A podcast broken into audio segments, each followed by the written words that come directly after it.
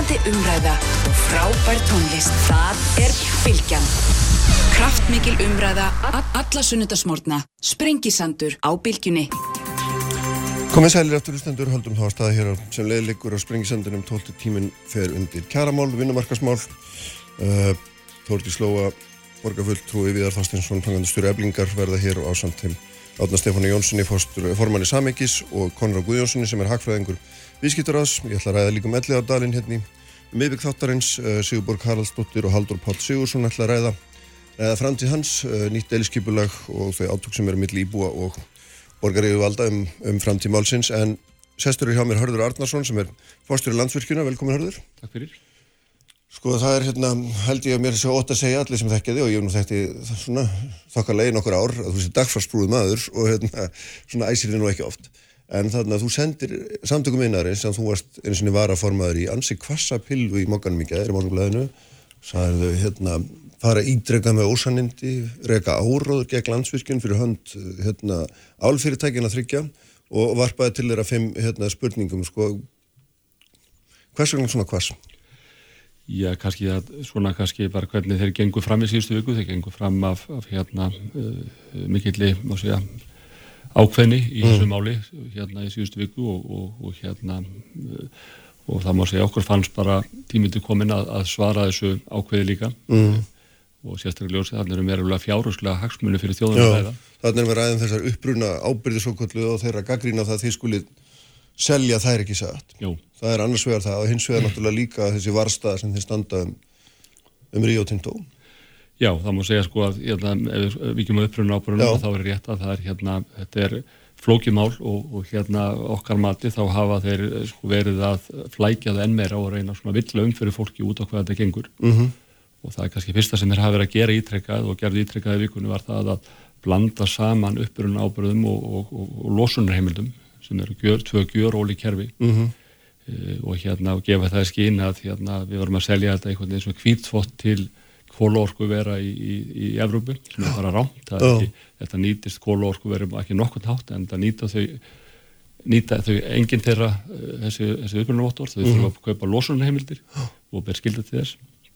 Í öðru lagi þá vilja þeir meina það að þetta hafi skadi ímynd Íslands og ég held að það sé bara rámt, það er ekki nokkur dæmi nefnd og það er raun og verið alveg útlóka þetta kerfi sem er einhverju jákátt kerfi umheiminum, mm geti skadað sko ímynd Íslands og svo er þrýðarlægi náttúrulega sem við bendum bara á að þetta er í raunverulega bara um mikla fjáraslega hagsmunur ræða, við segjum þess að við benda á að næstu tíu árum þá geti þetta vera, verið 20-30 miljardar sem að þeir raunverulega er að tala um að við afhendum þessum fyrirtækjum. Afhendum álfyrirtækjum. Án þess að segja það beint sko, þeir, þeir kalla þetta klæða þetta ykkur búning sem er bara hérna á enga stóð í raunveruleikanum. Mm -hmm, mm.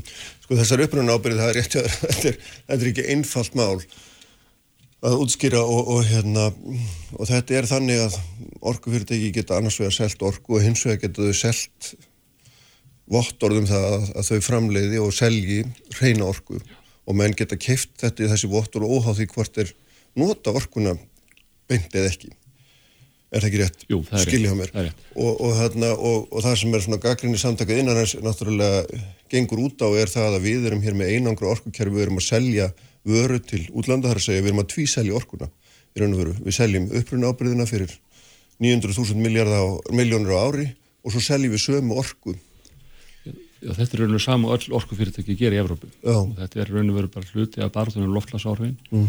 það er mikilvægt sko að uppruna ábyrði eru engungu seld til notenda orkunar, þau eru mm. ekki seld til segjandi, annar orkufyrirtæki þau nýtast ekki þar og þetta er einhverju valkvægt kerfi, kerfi sem er einhverju til þess að, að, að fyrirtæki sem vilja að vera umhverfislega ábyrg geta stutt við orkufyrirtæki sem er umhverfislega ábyrg, ábyrg. En það er mikilvægt meirilega að skilja þetta er ekki losunheimild, þetta er ekki syndaflis, þetta, þetta hefur ekkert að gera með kólumnis losunheimild, þetta hefur ekkert að gera með losunar bókald Íslands eins og samtökunni gefa í skín mm. En samt sem áður er það nú þannig að ef, ef ég er, ef ég er hérna, notandi í Þýskalandi og kaupi uppruna ábyrð frá þér þá, þá get ég sagt mínum viðskiptafinni að ég hérna, noti reyna orku Já. en það er bara ekki sagt Sko, það, það, sko, lofslagsmálin er í eðlisinu sko alþjóðleg, mm. lofslagsmálin er ekki staðbundin, það að það sem hann er að segja, hann er raun og ég, sko, ég er að styðja endurinu orkuveðslu í Evrópu mm. sem, er, sem er jafn mikið og ég er að nota ork, minn, sem samsvarðar orkunótt mér gera. Það er ekki verið að segja að orkan komi frá endurinu orkuveri með þessu kerfi. Það er verið að segja bara ég stið á sama tíma mm -hmm. endurinu orkuvinsli í Evrópu og það er bara eðli loftlagsmála að, þú, að þau eru alltjóðlega, þau verið ekki landamæri þannig að mm -hmm. kerfi virkar þannig. Já. En það er alveg mikilvægt, þetta verið ekkert að gera með það hvort að kóluorku verið losi eða, eða, hérna, eða lettir þeim á nokkuð þátt lífið. Mm -hmm, og, og, og þarna af því að en af því að við erum einangruð þá sko Meina, í Európa er þetta þannig að þú, þú veist ekki hvaðan orkaðin kemur, hún getur komið úr kól, hún getur komið úr kjarnorku, hún getur komið úr vind eða sól, þú veist það ekki, þetta fer bara allt inn á eitt kerfi og hvaðan þessar rafeindir koma veist ekki, Já. en þú veist náttúrulega nákvæmlega að þær koma ekki frá Íslandi, jáfnvel þú það standi á reikninginu. Já, já en, en þú getur samt stutt orkuvinnslu í Íslandi þú mm. ert að gera sama gagnið í umheiminum já. og ég vendur líka á það sko að við Íslandikar erum frá því að við byrjum að vinna rávorku þá erum við búin að vera að stefna því að þá verðmæti fyrir græna orkunakar að hún sé verðmæti að því hún sé græn. Og við hefum verið að stefna því ég er bara frá því að við byrjum að virka fyrir stóriðu það er að raungerast núna. Og þetta kerfi gefur okkur möguleika að fá sangjarnar hlutil í þeim verðmætum mm. sem að græni þátturinn hérna gefur. Ef að, að þegar álverð til dæmis fara að fá herra verð fyrir álið út af því að það sé framleitt með grænni orku eh, er ekki eðlilegt að við fáum það eitthvað herra verð fyrir rávorkuna við sköpum þau verðmæti sem myndast í álverðinu mm -hmm. þá teljum við að við eigum alveg eins og annar starf í Európa að við eigum rétt á því að fá hluta verðmætunum ekki að gefa það til annara við mm. verðum að halda utanum okkar eigin öðrundir Þannig að er á þeim fórsendum sem þið segið að við erum ekki tilbúin að veita álverðunum Eh, ókipis hérna, vottorði upp á það að þeir noti græn orku þóðu noti það, heldur verðu þau að borga sérstaklega fyrir það? Já, bara þau borga annars það. Það er bara saman við segjum að við teljum að við eigum að sitja við sama barð og önnur orku fyrirtæki mm. í Európu og þetta eru bara verðmæti sem þjóðin á, þetta eru verðmæti sem landsfyrkjun er falið að gæta og það væri held ég bara mjög ámælisvert ef að landsfyrkjun tækið upp í sjálfum sér að gefa stóriði fyrirtækinu miljard ári. Mm. Ég held bara við hefum ekki heimrið til þess. Mm -hmm. En nú gefið þessi verðmæti mörgum öðrum ég menna það, það er margir aðrir ekki stór eða stór fyrirtæki en mörg fyrirtæki, sjáurútur getur fengið, fær þetta allt ókipis það er raun og verið allir, sko Ísleiki rávorkumann er tvískiptur, mm. hann er annars vegar sko, sko, má segja smásölumarkar gegnum heilsölu sem að sem að hérna, já, flest fyrirtæki öll heimili kaupa rávorkuna sem að hérna, og síðan hins vegar stórnóndamarkar, það sem stóriðan kaupir Uh, hérna, í okkar í breytugum okkar verðstefnu þá höfum við verið að sækja síðustu tíu árin verðhækkanit frá stóriðunni en við höfum ekkert verið að breyta neinu verðinu á heimilin heimilin hafa verið að borga mun herra verð mm. Og við höfum, semjum við þau sko, verðin þar er ákveðið bara álega og þar hafa, er, eru upprunnin ábyrðir, fylgja með þar og þannig að öll heimili og öll fyrirtæki í önnurinn stóriðan fá þetta sem hluta sínur rávorkurreikning en stóriðan sem semur við okkur í sko tvílega samningum mm -hmm. sem er allt annars eðlis þeir þurfa alveg eins og þeir semja um raforkuna að semja um þennar hlut við munum ekki afhenda þessi vermaði án þess að fá greiðsla fyrir það mm -hmm. Og það er það sem þú ert að raun og vera að segja er að samtöku innan en séu raun og vera að byggja landsveikjum að gefa þessum þrejum fyrirtækjum þessar ábyrðir Já, já þau eru að gera það, þá eigur bara að segja það mm. samtöku innan sem er náttúrulega hagsmunni gæslu samtök -hmm. En þú varst nú varaformaður í þessum samtökum þú þekkir þessa innviði Já, það hefur mikið breyst á samtökunum sem ég starfaður. Já. Eldur álfyrirtækin séu orðin svona sterk eða hvað, hvað er að gerast þannig þínum að því? Samtökin bara unni á öðru fórstum þegar ég starfaði. Það var, var, var mikið mál fyrir samtökin að horfa át út frá almanna hagsmunum og mm. heldar hagsmunum einaðaris en þau eru þarna farin að, að hérna, verja hagsmunni bara örfára fyrirtækja og það sem ég veist verða líka sko, þau komið það bara ekki hreint fram og segir bara við teljum að fyrirtækin eigi að fá þetta þessi verðmæti þá, þá bara segja það á ekki vera pakkaði inn í svona afvegarleita umræðu um losunarheimildir og aflátsbríð og annað sem kemur mm. bara málunni ekkert við og er bara ósatt Já, þannig að hérna þannig að þú, sko, maður hefur séð að uh, sko, raugin er auðvitað þau að, að hérna, það sér engin í heiminum neinstadar álverð hækka vegna þess að einhver auðlýsing þetta er grænt ál eða eitthvað slíkt og það sé engin að forsendur fyrir því að þessi fyrirtæki borgi sérstaklega fyrir fyrir uppruna hérna vottun. En þá þurfaði þau bara ekki, það er, þá er það bara málið, þá þurfaði þau ekki það, þá þurfaði ekkert að borga heldur. Mm. Þannig að það er ekkert, það skapar eða mingin vandræði. En ég held hins vegar við munum sjá það og erum að byrja að sjá það að neytendur eru farnir að, að hérna, vesla frekar við e, fyrirtækir sem eru umhverjus væn og sem að vinna á þennan hátt. Við sjáum sérstaklega ung fólk er farið að hugsa mikið þannig þannig að ég held að það þarf að skipta máli mm. Og það er hérna, við erum að sjá að uppröðun ábyrðir er að hækka mikið, það er hækkuð á síðastar okkar meðalverð hækkuð en 50% á síðast ári.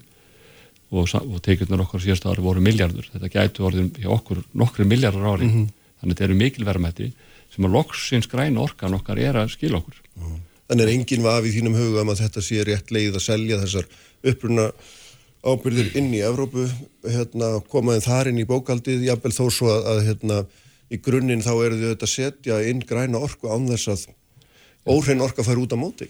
Já, þetta er algjörlega eins og kerfið á að virka. Oh. Þetta er sem ekki til þess, þetta er til, sko það er tvennskona kerfið, það er þetta kvatakerfið sem við verðum að gera þarna, sem eru mm. að vísu ekki háar upp að er per, per framleiti orkueiningu, eh, sem er gert til þess að fá jákvæðan stuðning frá neitundum til, til hérna orkufyrirtækja sem eru framlega umhverfisvæðin nátt. Síðan er annað kerfi sem er eiginlega möndurinn, það sem er hérna kólumnislosunar kerfi, Þa, það er kerfið sem er notað til að draga úr kóla mm. rávorku verið veri með kólorku. Það þau þurfum að borga sífilt meira og meira mm. fyrir það að losa.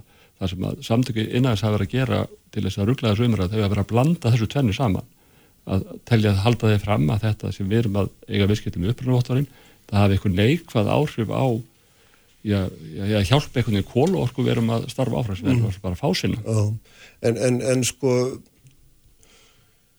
ímynd Ísland sem 100% reyns orkuland segur svo má segja framlegandur hérna, og, og notandi þessar græna orku eins og við tölum um uh, myna, hún breytist við það vegna þess að í heldar bókaldu okkar þá stendur orðið ekki 100% hrein orka heldur kjarnorka og kólaorka og eitthvað þess að þegar við sendum, gerum þetta upp allt á endanum vegna sem við erum búin að selja uppruna ábyrðinar út úr landinu og þá þurfum við að taka inn í bókaldið okkar eitthvað annað. Á sama tímaður þá segir, hérna, segja fyrirtækin öll í landinu þetta að við erum á 100% græni orku En það getur ekki bæði verið, við getum ekki bæði sleft og haldi í þessu. Sko ég, þetta, ég þarf aðeins að leira þetta. Fyrst þá náttúrulega eru öll fyrir, við minna það að fyrirtæki, öll fyrirtæki út á stóriði er að fá þetta sem hlut af sínu ráðurreining. Mm. E, síðan er það mikilvægt sko að það breytist ekkert að Íslandi er áfram land endurinn orku.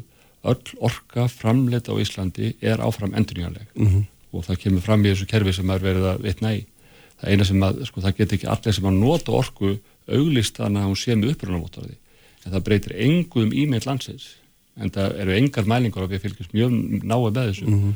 og það er að því að kerfi segir áfram að öll orka framleita á Íslandi er endurnýjaleg og það er að nota það í öllum markastarfi eða e-mailstarfi fyrir Ísland og breytir þar engum en það kerfi myndi aldrei vera sett upp þannig. Þetta er þess að hvetja hérna, mm. aðeins að vinna endurlorku þetta er, ald, er aldrei refsing fyrir þá sem að vinna endurinn orku. Nei, þannig að þetta er bara eitthvað bókald á bakvið sem að skiptir eitthvað mæti þá í grunnengu máli þegar að mennir að skoða Þessu skiptir máli, auðvitað skiptir máli þá þarf að gera þetta rétt upp þannig að það sé, sé ekki að það svindla á kerfinu og auðvitað vild, vildu við bara öll fyrirtæki í Íslandi og öll stóriðan myndu bara sko og hérna borga þetta og, og, og hérna og, og nýta sér endurinn orku í sínu markastarfi mm -hmm. en hérna en þetta kerfið er eins og þannig að þetta er alveg ótvírætt að öll orka á Íslandi er áfram endurnýjarleg mm. og það má nota það allstæðir í markastarfi þannig að enda, óskuði eftir því að samtök innæðris bara lýsiði yfir bara hvar hérna ímynd Ísland, Ísland hefur skadað mm. mm. það verður bara bara, og það getur líka bara fabuleira með það hvar hún gæti skadast að þessu því það er raun og veru útlokað að sjá að það geti gert Já. Sko þegar við erum að tala um samtökina eins og við erum að tala um þessi þrjúálfyrteki og við erum að tala um landsverkjum þá erum við líka að tala um gríðalegt svona hagsmunastrýf og, og, hérna, og við erum í þeirri stöðu í dag að, og höfum þetta verið lengi að við erum að selja megni orkunni í hvað er að 75-80% eitthvað stað maður sé nú mismunandi tölur um það til þess að tryggja stóru fyrirtækja. Og þarna og nú er eitt að Rio Tinto að hérna hugsa um að hætta. Eða minnst þú veist ég ætlar að endur skoða reksturinn og, og neyta því ekki að það einna möguleikunum sé bara lokan og þá kemur náttúrulega alltaf þessi vangavelta upp Við erum með opbóslega fá egg og þau eru nánast öll í sömu körfunni, byggja sama innaðinum og, og þannig ég held ég að spurti aðeins að er þetta skinsamlegt? Er þetta skinsamlegt? Nú sjáum við svart á kvítu allt í unna að það er svona, getur komið verið takk. Já, já, en ég held nú að hérna, þetta eru nú með tröstur viðskiptavinnir og þessar mhm. versmiður eru... Já, ekki nema það þó. Já, ég myndi nú kannski, það spurning hvernig með lesa ég það sem yfirlýsku fyrirtækis. Ég les þetta, ég les það eins og öðruvísi kannski að þessu alveg að fara að loka eins og þú sagði, byrjaði mm. spurningun á kannski mm. menn verið að gera sér grein fyrir þetta er mikið hagspunastríð eh, það er verið að takast á þarna um sko, mestu í Íslands sem er okkur endurinn orka eh, það er verið að við erum að reyna að tryggja sangjant verð fyrir það, það orku sem, hérna, sem við erum að vinna okkur eru falið að gæta í samlingu við þessa öflug fyrirtæki mm. það er eins og að það er hartekist þar á og hérna um, sko það er samningar þetta eru yfir svo kannski hundruður miljardar sem eru undir hverju samningi. Mm. þetta eru langtíma samningar þannig að ég lít það sem var að gerast núna það er horfum að rjótind og það er langtíma samningur í gildu við fyrirtækið mm. sem að hérna sem við skrifum undir við að 2010 og endur nýjum aftur 2014 það sem fyrirtækið hefur, það eru erfileikar á álmörkuðum og fyrirtækið hefur áhuga á því að endur skoða það. Og þeir telja að það sé rétt að leiðin að byrja þar já, viðræður, þetta er ekki samninga viðræður, það er gildandi samningur þeir telja það réttur leiðin að, að, að, hérna, að senda hóta samfélaginu að hérna, ef þeir fá, fá ekki þar sem þeir vilja þá munir þeir skoða og loka. Þetta er ju elvisinu samningateknin mm.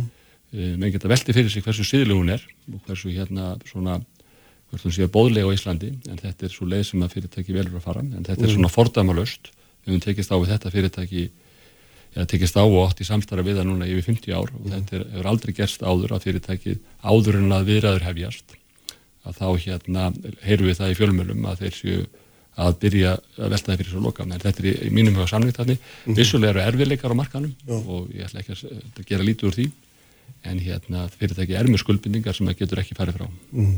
Þannig að það er alveg hérna í sínum huga 100% að þessi samningu sem heitir 2036 og gildi þannig að þeir verða borgar þegar 80-85% af uppsættu verði allan þann tíma, hann heldur. Það eru ímiskonar ákvæði samningum sem að þérna, sem að þérna er kannski, þannig ég get ekki farið ofan í hann alveg mm. nákvæmlega, það er, mm. er trúnaður um samningin, þannig að hérna trúnaður ákvæði samningin, þannig ég get ekki farið nákvæmlega en það eru ríkar skuldbindingar frá, af okkar hálfu um að afhenda orkuna uh, og síðan eru ríkar skuldbindingar af þeirra hálfu að kaupana í langan tíma Eh, það er hérna í ljósi þessar umræði sem hefur verið að þá hérna þá teljum við æskilegt í, bara, í anda gagsæðis að, mm. hérna, að það sé upplýst meir um samningin og þess vegna skrifum við bref til uh, Rio Tinto í síðustu viku þar sem við hefum óskað formlega eftir yfir fyrirtækið að trúna þessi aflétt af samningnum. Í ljósi þeirra er, er að orða sem hafa fallið og bæðið um raforkuverðið mm -hmm. og, og ábyrður og annað þá held ég að það sé að var mikilvægt fyrir samfélagið að, hérna, að það sé trúnansjaflitt og það er einmis ákvað um endurskoðun og sem að tryggja samkeppnishæfni í vesmiðunar sem ég held að væri mikilvægt bara að væri aflitt trúnum af því að þetta er verið að beita þessu líka í svona samningateknilegum uh, hérna eðlis að mm. svona sem fólk gerað og bæði Ríó Tintu og samtöku einar það var líka stíðin í þá umröð mjög sérkynlega hérna, þannig ég til að veri til mikil skaks að hérna, að hérna fyrir alla að það veri aflitt trúnum með samningi Þannig að, að það væri hægt að bara byrtan í helsinni. Já, fyrirtækinn geta bara byrta ákveðinu, bá, báðum aðlunum væri bara heimilt að, að byrta, þetta er náttúrulega 60 blæsna samningar sem fjallast um margar hluti, en allan þau líkilega þessi skipta máli í almennu umræðum mm. og þá getur það bara fyrirtækinn hvort um sig bara ákveðið það hvaði byrta til þess að upplýsa almenning um hvað stendur í samningum. Mm -hmm. Og þið sendu þetta breyfið síðustu viku og Já. hvað? Já, við býðum bara þetta að fá svar. Mm -hmm. Hvernig heldur þetta falli í kramið? Jú, jú, ég held að sjá en svo þarf að gera breytingar á samlingum og svo leiðs, þetta tekur mm. einhverja vikur en, en hérna uh, fórstjóri Ríó Tindu listiði yfir að þau voru fylgjandi þessu þannig að ég gerir áfyrir að takja vel í þetta. Mm. Þannig að við munum þá sjá álóksins þetta fræga, fræga orkuverð sem að hérna, ég skilst nú að það sé svona ofinbært lindamála sem stóra bilinu 38-40 dólarar per megavattstundir, ekki? Það er, sko, það er ekki bara rávorkuverði, það eru ekki síður önnur ákvæði, endurskonar ákvæði ábyrðir og annað sem að hérna, er held ég afar mikilvægt fyrir samfélagi að vita af. Mm, mm. Og hérna, en það er svona, veit að þessi sko, þú nefnir þessa miklu hagsmunni, orkuhagsmunni og þetta er auðvitað ákveðin slagur um það hvernig á að deila þessum gæðum og þú auðvitað komst inn á miklum krafti sem fórstöður landsfyrkinu og saði það bara strax að verði yrða að hækka og, og það hefur hækkað síðan hérna jæmt og þétt og, og landsfyrkinu var hann að skila já, einhverjum arði, kannski ekki dobbúrslega miklum en einhverjum allavega Uh, en maður sér líka aðra rættir sem segja að þið takið ekki tillit til almanahags. Þið keirir bara verðið óháð öllu öðru, óháð því að hvað áhrif þetta hefur á störf og hérna, afkomi fólks og svo framvegs afkomi fyrirtækja sem eru í grunni líka sko, þeir sem haldi ykkur á lífi. Þessi fyrirtæki eru svo stóri viðskiptafinni. Já, við erum náttúrulega viljum, uh, sko, okkur markmið er að bjóða mjög samkennisæð verð sem hérna uh, til þess að hérna okkar viðskiptavenni séu bara vel stafsettir í, í samanbaraðu önnur fyrirtæki í Európa bandaríkjunum og það er það sem við verðum að gera. Mm -hmm. Okkar markmið hefur fyrst og fyrst verið að endur semja og fá yfir kostnaði verði rávorkunar. Það er ljóst að í mörgum eldri samlingu þegar það var samviðin í gamla daga þá var verið að horfa til annar að þátt að heldur en heldur en þú nefnir að sem það verið að vera að horfa til aðduruppbyggingar og þessu það var bara góða gildara ástæðar á þeim tíma en hérna bara laugin eru skýr í dag að mm. þetta er samkjafnisumhverfi og okkur er bara óheimilt að selja undir kostnaðaverði og eins og þú segir hérna afkoma landsökja þó hún hafi verið að batna þá er hún enn ekkert sérstök. Við horfum að afkomuna kannski eins og hún hefur verið á síðast ári þá var send arðsemi eigin fjár landsökinar send var um rétt um 5% mm -hmm. og þrátt fyrir að send stærstu eignir landsökinar kom, svolítið eignir kom ekki fram í, í hérna efnarsveiknum, það má segja ef við horfum til svona, svona heldar verma þetta fyrirtæki þá er arðsemi eigin fjár svona kannski um 3% Já, sem er ekki hátt og hérna það er mikilvægt líka sko ef að, ef að við viljum styrkja fyrirtæki og sko, ef við viljum að beita no, eitthvað, vera með eitthvað ívillanir til fyrirtækja sem er hér starfandi vegna erfið samkjæmnisumhverfis mm. þá, þá er samkvæmt lögum þá er landsverkinu ekki hægt að heimilt að veita styrkina og ég held líka að það sé bara óeðlilegt að fyrirtækja svo landsverkinu eða stjórnundur landsverkinar sé að útluta já, í einstöku fyrirtækjum ríkistyrki það mm. á það bara vera gert af stjórnvöldum og þá bara alltingja og ákveða þá bara mm. ríkistyrki, það er heimilt Já, já, sko innar á þeirra var hérna í síðustu viku og talaði þá um að það þurfti að endur skoða eigundastefnuna og það var mitt nákvæmlega sama spurning hvað, hvaða hagsmunir að vega þingst á hverjum tíma Já, það er hérna, já, það er verið að vinna að eigundastefnu og hérna ég held að það sé besta mál, ég held að sé að svona, svona aldrei ættu ekki í raun og verið heima í eigundastefnu, þetta er raun og ættu að binda þetta í lögum og þetta er bundið í lögum, sem í hvaða viðskipta umhverfi landsvíkjum starfar. En ég endur ekki það sko að ef að ef að stjórnmálmenn vilja hérna niðugreiða störf eða send, eh, selja, selja einhverja að, það var ekki eðlert að menn borgi undir kostnaði verið fyrir rávorkuna mm. heldur á þá bara að gera það bara með ákvörðun alþengi sem beina styrki til ákvörðuna fyrirtæki ef, að, ef fólk finnst það skynsalegt ég, mm. ég held að fólk verður þurfið þar, þar þá að fara mjög varlega Þetta var ekki umhverfið sem að þér myndi hugnast Já, það er ekki mitt, mitt ákveða það. Nei, hérna, ég veit að þú þarf samt að vinni því. Já, nokkar náttúrulega er hins vegar að gæta þessari miklu verðmæta sem er í mm. landsverkjun og það er alveg rétt að þannig að ég kom til starfa fyrir tíu áru síðan þá var það mat uh, mín, mitt og stjórnar landsverkjunar að arsemi þyrti að aukast. Mm. Það hefði verið mjög lítil arsema fyrirtækinu og eiginlega 50 ára sögu fyrirtæk, það hefði mjög lítil arður verið greitur út og það er bara eðlilegt að við fáum eðlilegan arð af orkuðlundinni. Mm. Hérna og við erum uh, svo sannlega ekki farin að fá óæðilegan arð, eins og ég segja, ef arður arð sem er fyrirtæk sem er mellið 3-5% þá, þá telst það ekki hátt. Mm. En nú er þetta svona, er þetta hægt að horfa alltaf á arð og hagnað frá ymsum sjónarhólum og, og þarna, meðal annars út frá því hvers konar samfélag við erum að reyna að skapa ekki. Það er hérna blind dyrkun á einhverja tölur er kannski heldur ekki heppileg sko. Nei, en ég held samt að sko almennt held ég að við þurfum að hafa það leikreglur að, að, hérna, að fólk borgi kostnæðaverð mm. það það sérstaklega ákvörðin bara aldengist á ef, ef það vikir frá því. Og það er hérna þessi verð sem við erum að selja á því eru, eru mjög sanginsvæf eh, með það sem hefur verið, verið, verið bóðið annar staðar, við sjáum mm. það bara að vöxtur í álinnað á sístu tíu árum og, og, og kísilmál minnað, hann hefur náttúrulega engungu orð á Íslandi á, sem við horfum á Evrópa bandaríkinn þannig að það verð sem er að bjóða það, það lítur þá að vera sanginnisverð mm -hmm.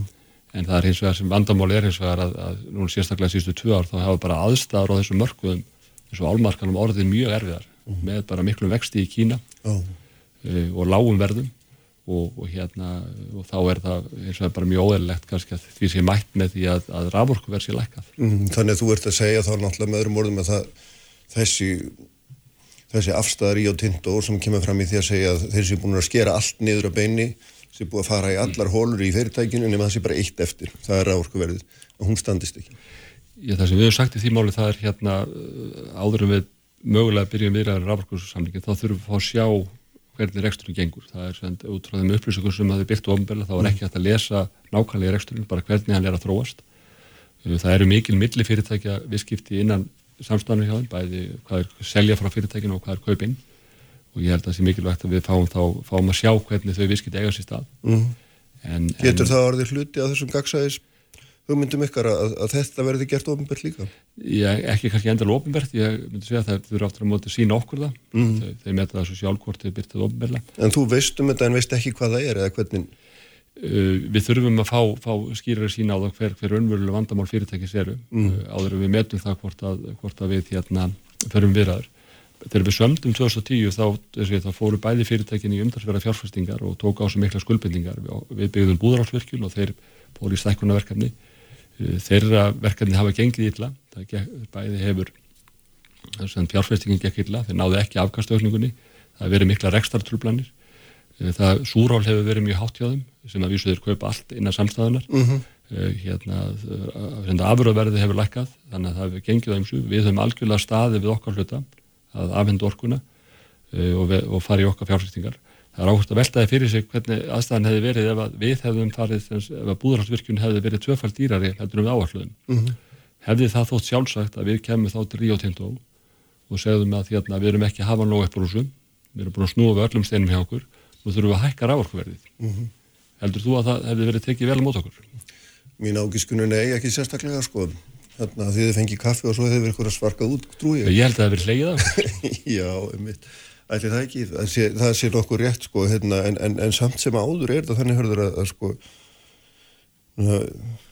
við erum auðvitað með sterkastöðu sem að hérna, fælst í því að við afhendum þessu orku og hérna, þú segir að samkvæmum segja verð og svo framins við erum líka með veika stöðu að því leitinu til að við erum með svo stóra hluta að þessari mikilvægur starfsemi á svo fáum stöðum.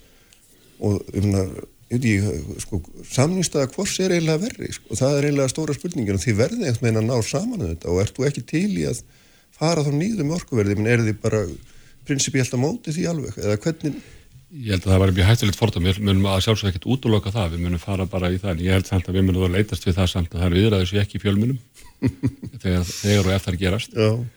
en það er eins og er aðeins að gera með sér langtíma samning og í, í samningunum eru endurskoðun ákvæði mm. sem eiga að tryggja ja, sangjant verð fyrir báðaðeila sem væri mjög áhugavert að byrta það ákvæði, að því að það að myndunum sjást að mm. Þannig að þetta eru sangjandi samlingar sem að taka á alveg svona sveiflum e, þannig að hérna, við teljum að það séu alveg full ástæða til þess að, að hérna, áhersla það að við getum náð saman mm -hmm. Sko, mér langar að spyrja þið meira hérna, öllstut út í þetta með þessi, þessi viðskipti þessara fyrirtækja með innan, innan samstæðu vegna það hefur náttúrulega verið mjög mikil tortrygni á Íslandi í ára tögi út af þessu nákvæmlega meðal annars hérna þegar þessi, þessi stóru fyrirtæki er í fjárstingu þá taka þau hérna, dýrlán hjá eigin móðufélögum gegnum eitthvað fjármanglarna fyrirtæki sem þau eiga sjálf og greiða, sér, greiða síðan hérna, háa vexti og, og, og skilja ekki hagnaðin eftir í, í landinu.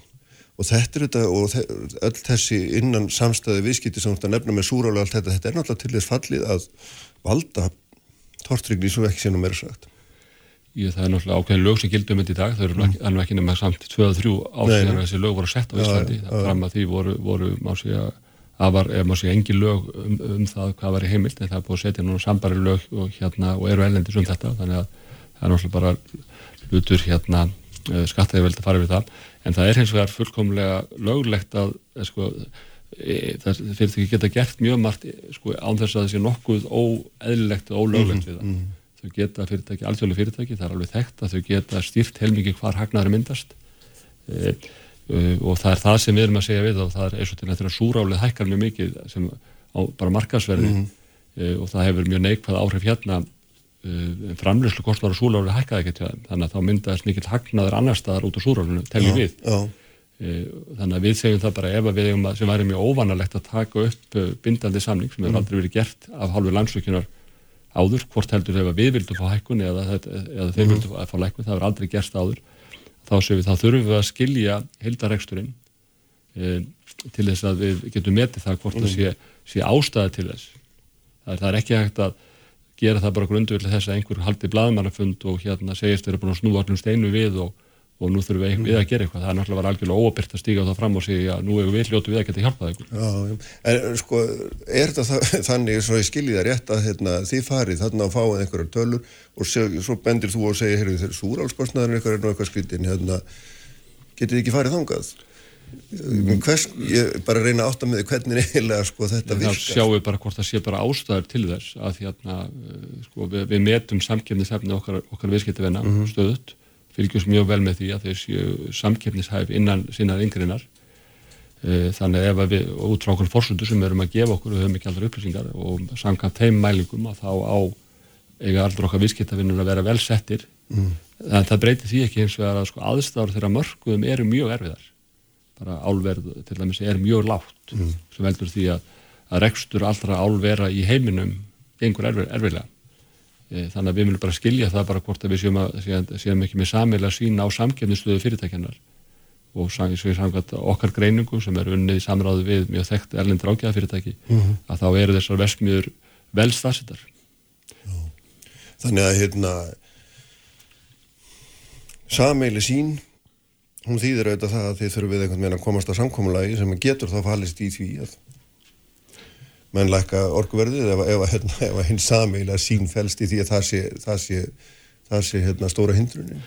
Já, en hins vegar það verður að hafa það í huga, það er bindandi samningur á milli fyrirtækina, það, það er ekki komið að endursamningum. Nei. Það eru endurskoðanur ákveða sem er innbyggðið samningin, sem mm. bara, það er bara, hverða það er samningurinn ekki laus, þetta er ekki þannig að sko, það er, nein, það, það, það, og það er ekki þannig að, að hvoruður aðli hann getur bara kalla eftir því bara þegar hann vil auka sér hagnaða þá getur hann bara hérna, farið fram á hintæki auknar byrðar. Mm. Bæði fyrirtækinn tók á sig mikla skuldbindinga 2010 mátu markasafstæður eh, við höfum staðið allt okkar eh, markasafstæður hafa verið aðrar en þeir gáfu sér, ég held að það sé rétt en það lítur að vera sko þeirra ábyrð mm. og ég endur teka að þessi samningar eru með ríka mm. skildur og líka ríkar ábyrðir Já.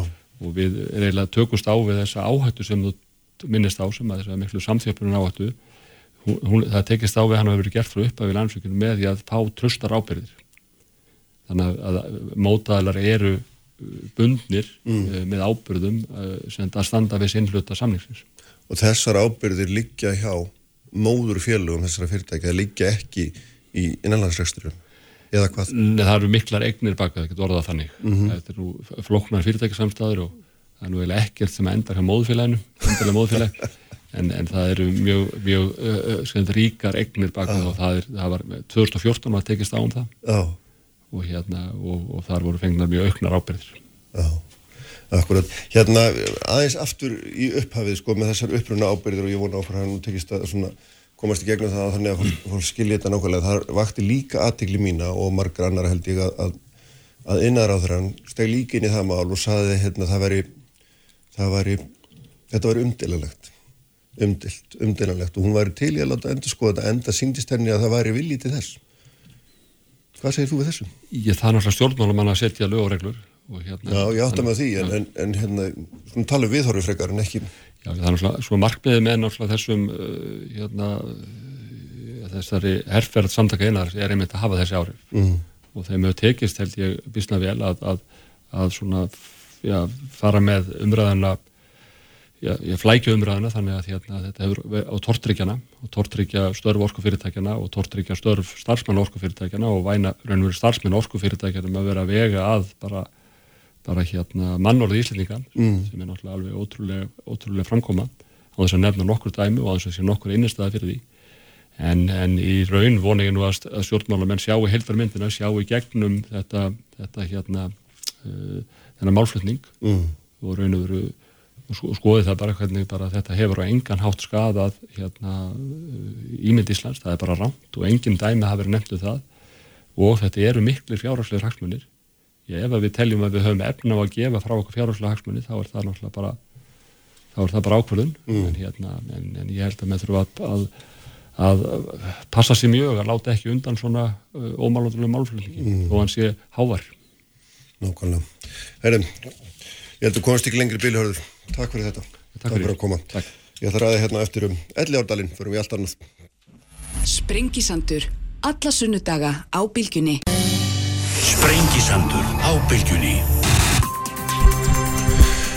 Já, sæli hlustendur aftur uh, þá er hann farin frá mér hann Hörður Arnarsson, fórstjóri landsverkjunur eftir kröftut viðtal held ég mér sér óhætt að segja það sem að hann hérna uh, já, var kvassi í garð garð margra skulum við segja.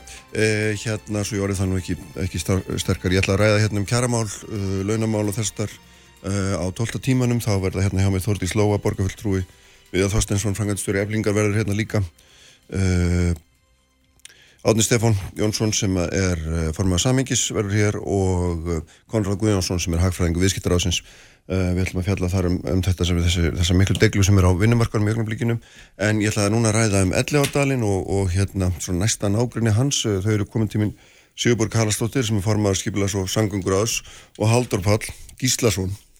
Og sem ég kallaði Sigursson í morgun og byggði markvaldara afsökunar á því. Haldur Pall Gíslason sem er formadur hollvinna samtaka Elleárdalsins er þetta ekki horrið hjá mig allt núna? Það er horrið hjá mig Verðið bæði velkomin. Takk. Takk. Sko, hérna,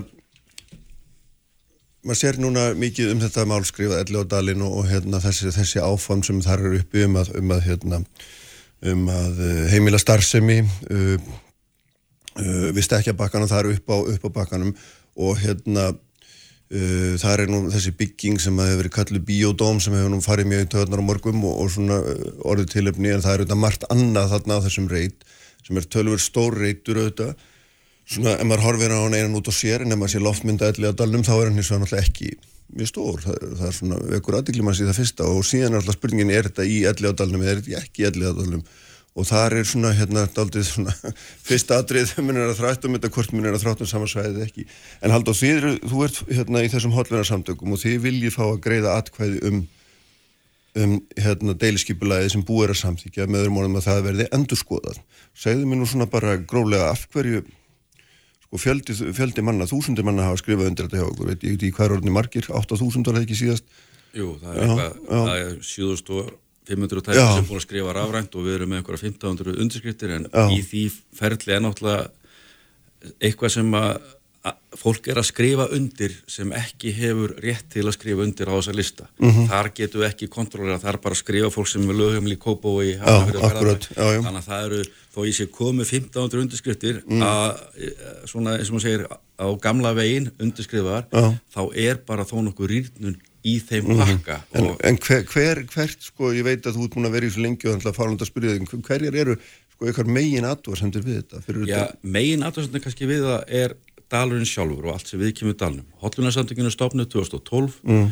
og þá er það, það svæði sem að hotlunarsamtökinu eiga svona að vera umsagnar aðeilar um því að samtökinu stopnuð eftir það að borgin hafa ítrekka sagt við hverfaráði í árbæ að það kemi þeim ekki við hvað að gera í elladalunum og alveg sömu svör komu frá fyrir hverfaráði bregðolt þegar það gerir aðsvöndið sama þetta var eitthvað svona svæði sem var mitt á milli alls mm -hmm. og afskipta lust eins og maður segir kannski nú þegar við erum stopnuð þá er þetta svæði sem að hotlunasamtökinu er sagt að þau hafi svona umsagnar uh, rétt eða umsagnar ferlið komið til okkar eitthvað, það eru ykkur tæpi 400 hektarar. Í dag er elladalun skilgrindur eða það svæði sem að hotlunasamtökin eiga afskipti af einhverjir 190 hektarar. Mm. Þannig að svæðið er að minka mjög mikið og eitt af fyrstu verkefnum sem fengum umsögn til að gera umsögn um voru þessir, þessar hjólreðabrýr eða göngu og hjólreðabrýr í ósum ellið ána. Þannig að það er búið að taka þá af og það er búið að skera þetta hreint og beint snirtilega niður í þessa stærð. Mm -hmm. Og, og mingadalinn orðum. Mingadalinn sem að okkur finnst ekki rétt. Er, það, það var í upphafi, var línan, skorinn við það byggða svæði.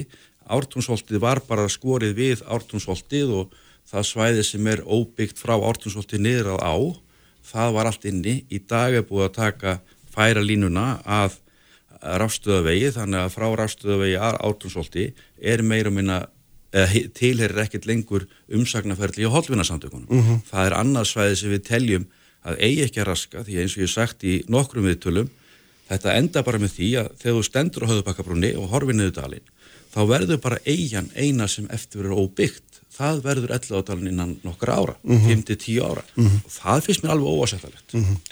Sigurborg sko þarna þið segið og það kemur fram í greiningerum borgarinnar að þessi, þessi fyrirhugaða framkvæmt sem við erum að ræða núna, hún sé ekkit inn í 11 átalinn hún sé hérna upp á bakkanum, þetta sé ekki 11 átalinn Mm -hmm. en samt er þetta nú svona að maður horfir á þetta órjónlegu hluti af þessu svæði mm -hmm. þetta, þetta vex allt saman og er mm -hmm. grunnir svona að gæslappa eitt, eitt, eitt svæði og svona, maður sér líka þetta við og akkur hérna, látum við ekki bara vera vegna sem við vitum ekki hvað framtíðin byrja skauti sér en það sem við vitum þó er það að eftir sér og eftir grænum svæðum hérna, hún verður alltaf meir og meiri allstaðar á byggðu bóli sko þegar þau, hérna, þeim hefur verið raskat Akkurat, þetta er mjög góð spurning og, og þetta skiptir rúsalega miklu máli í tengslum við bara borgina og íbúana og þeir hafi aðgang að grænum svæðum mm. gott aðgengi og, og geti nýtt þau í, til útevistar og annar starfsemi uh, Ellið á dalurinn er að hluta til umlegin einbilis húsabegð bæði hjá breyðholtunu og árbænum sem að gefa kannski ekki alveg næginlega góða tengingu við þau grænu svæði sem við viljum hafa. Þannig að ég tel að uppbygging þarna upp á bakkanum mm. Sé að styrkja dalin, sé að bæta útvistina, auka aðgengi fólks að dalnum og á sínum tíma var þetta ekki hluti af dalnum. Það er að segja þegar að skórætt fór að stað þarna um 1950 að þá var þetta námusvæði. Þarna var náma og tekið talsversta efni þegar að uppbygging miklubröytar átti sér stað og þannig að svæðið er mjög mikið raska og var rauninni engin markvis gróðusetning á þessu svæði en síðan hefur það svolítið ímislegt gert. Þarna var fólk sem að byggði sér húsnæði ólögla á sínum tíma uh, og plantaði náttúrulega trjám í kringum sín hús. Þau eru öll farin nema eitt ef ég mann rétt. Mm -hmm þannig að það er, ímis, það er alls konar tré og hitt og þetta en í raun og veru mestu leiti órækt þannig að það er engin markvis útivistana akkurat á þessu svæði þannig að ég held að við séum að styrkja grænusvæðin, styrkja mm -hmm. útivistina og, og gera betra fyrir borgarbúa Já, en uh, kaupir þá ekki þau rauk að það sé svona það sé hollur og best að býða með þetta bara þessum ástæðum að, hérna, að það er svo gott að eiga svæði setna meir þegar við erum búin að þjætta borginu meira til þess að hérna, upp á hlaupa heldur en að vera búin að sólundæðum að því maður sér ekki, ég veit ekki, ég ætla að maður svona þegar maður að skoða þetta, sér ekki sérstakka þörf mm. fyrir uppbyggingu þarna. Já, ég mér finnst við ekki vera sólunda græni svæði, alls ekki. Deiliskypulagi gerir á fyrir uh, heimili sem, sem að, að sambíli sem að, velferðarsvið óskaði eftir fyrir 15 einstaklinga til að búa. Það er hluta að deiliskypulaginu. Einni er þarna höfustöðar fyrir Garðirkjufjöla Íslands 500 fermetrar í húsnæði og 800 fermetrar í gróðurhús. Garðskjufélagið er í dag með mjög flotta matjórtarækt og alls konar á svæðinu sem þau halda, verður haldið í og, mm -hmm. Og þetta verður allt í tengslu við það og svo er þannig bæjadómið. Þannig að ég held að við séum ekki að sólunda græni svæði, ég held að við séum að styrkja ja. grænt svæði. Já, akkurat. Þetta, þetta hérna, sem þú kallar bæjadómið eða bíodómið, hvernig er best að orða þetta er einhvers konar hérna, svona, svona, ég veit ekki hvað maður að kalla þetta, svona fúturísk hérna, hugmyndum um hérna, almenn, almennum frið og velsælt hérna, innan dýra. Hérna, mér fallegt að lesa lýsingarnar á þessu, ég vona ekki að gera lítið úr þeir, en, en, hérna, en þið eru líka svona frekar ansnúin þessum hugmyndum öllum fyrir utan staðsninguna. E, já, sko, máli snýst um það að þetta er viðkvæmsvæði sem ellátalan er og þetta er staðstak grænasvæði sem eftir í Reykjavík. Mm -hmm. e, við höfum hottunarsamtökinu... En nú er þetta ekki onni í dalnum þessi stekkjabæki? Eh, mér finnst að segja þetta sé ekki onni í dalnum, það hafi skrifað tvær bækur um elladalinn og í þeim kemur báðum fram að þetta sé svæði í dalnum mm -hmm. að tala um að þetta sé ekki svæði í dalnum er alveg eins og segja að Ráðs Reykjavík sé jæðri tjarnarinnar, þar sem að bílakjallan er ekki fullur af vatni, þá er þetta ekki í tjörninni, þetta eru jæðri tjarnarinnar mm -hmm. og það er þetta snúa svona út úr endalust okay. mm -hmm. þannig að sko þessar malanámi sem að Sigurbjörg talar um þetta náttúrulega er hérna og þarna var sjór eins og maður segir á sínum tíma. Ef maður lesa þessa bækur og þá, þá er þetta nú svo langt síðan. Mm -hmm. þannig að þetta er, er, er, er hérna fjaran sem var hérna einu sinni fyrir margt lungu síðan Já, og ekki alveg. En það sem við höfum kannski líka sínt er öll þessi dölúð sem kvílir yfir aldinn bíótum það kemur fram núna í dag að þetta sé enþá í fasa 2 þessi bygging það er ekki búið að skilgreina eða segja okkur allt. Það er verið að gera ímislegt og það er verið að byggja ímislegt við höfum, hotlunarsamtökin höfum gögn, fengum gögn þess að við höfum aðilagamálinu frá Reykjavíkuborg þar kemur fram að, að, að í, hérna, í þessu aldin biotóm Hjördi Sigurður neytaði því upp að þetta ætti einhver, einhver veitingar og, og vestlunarmistu mm -hmm. en það kemur einfallega fram í, í tölvupóstum að 844 fermetrar af 4200 fermetrum sem eru skilgjöndir í dag að þetta verði eru vestlunar og veitingahúsnaði þannig að þetta er að vera staðsta matöll í Reykjavík matöllin á Bílsöða 9 sem við þekkjum og eins út í hérna, út vestur í bæ. Það eru í stórum húsum en það er samt ekki jafnstóru og þetta. Mm -hmm. þetta er svolítið skrítið að, að, að vera að selja gróðurvinn eins og eins og margt er í þessu sem er ekki á hreinu. Mm -hmm. við skulum alveg taka það fram. Maður, það er verið og það er svolítið margir hvort sem sé í, í hotlvinnarsandökun ekki sem er að geta í eigðurnar og er að búa til svolítið mikið í kringum þetta. Mærst þú ekki að því núna einmitt líka með því að þetta verið matvöld Ég er bara með, tölv, ég, ég bara með tölvupost um þetta og það sem þetta orðið notað eitthvað það bara stendur að 844 fermetrar er í veiting á vestunarimi mm -hmm. það stendur líka þessum tölvposti að hún sé að fara fram á 25% afslátt af, af lóðaveði og, og gatnækjaragjöldum og þetta er gróðrús þetta er ekkit gróðrús, gróðrús er eins og í Ulfarsátal hjá Lampaga það sem er að rækta gremmit allan daginn mm -hmm. akkur á þessi starf sem að fá afslátt á gatnækjaragjöldum og öðru hérna er þetta bara pappi uh -huh. Tölvpostar frá og til hvers? Hæ? Þetta er frá henni Hjördísi til, til hérna, starfsmannaborgarna. Og, og kemur eitthvað svar við því eða? Nei, það er ekki, ég er ekki með svari við þessu og eit, jú, einhverjar hugleðingar í framhaldinu en, en þetta er það sem kemur fram frá Hjördísi. Já, þetta er óskir hennar sem sagt, en það er ekki að segja að borgin hafi samþitt þetta.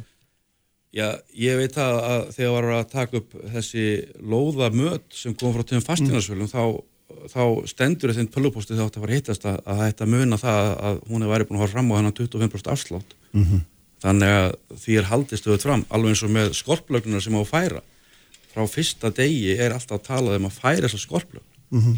það kostar að færa þessa skorplögn einhverjar, já, 500 miljónir eða halva miljard því mm. það er meira af framkvæmt og svo verkvæðastof sem þar gefur upp sitt álit sem minna sér verkís alltaf samt ekki alveg að hengja á það uh -huh hún er bæði með belt og axlabönd í þessu skýslu því að hún segir að ekki að fara fram könnun á því mm -hmm. hvað langt er niður á klöppaðna oh. en við vitum það að hjá mönnur sem að voru að leggja stekkjabakkan sínum tíma þá sögur að stekkjabakkin hefur mjög óti í framkvæmt því að það er svo stuttnir á klöpp innan við myndir mm -hmm.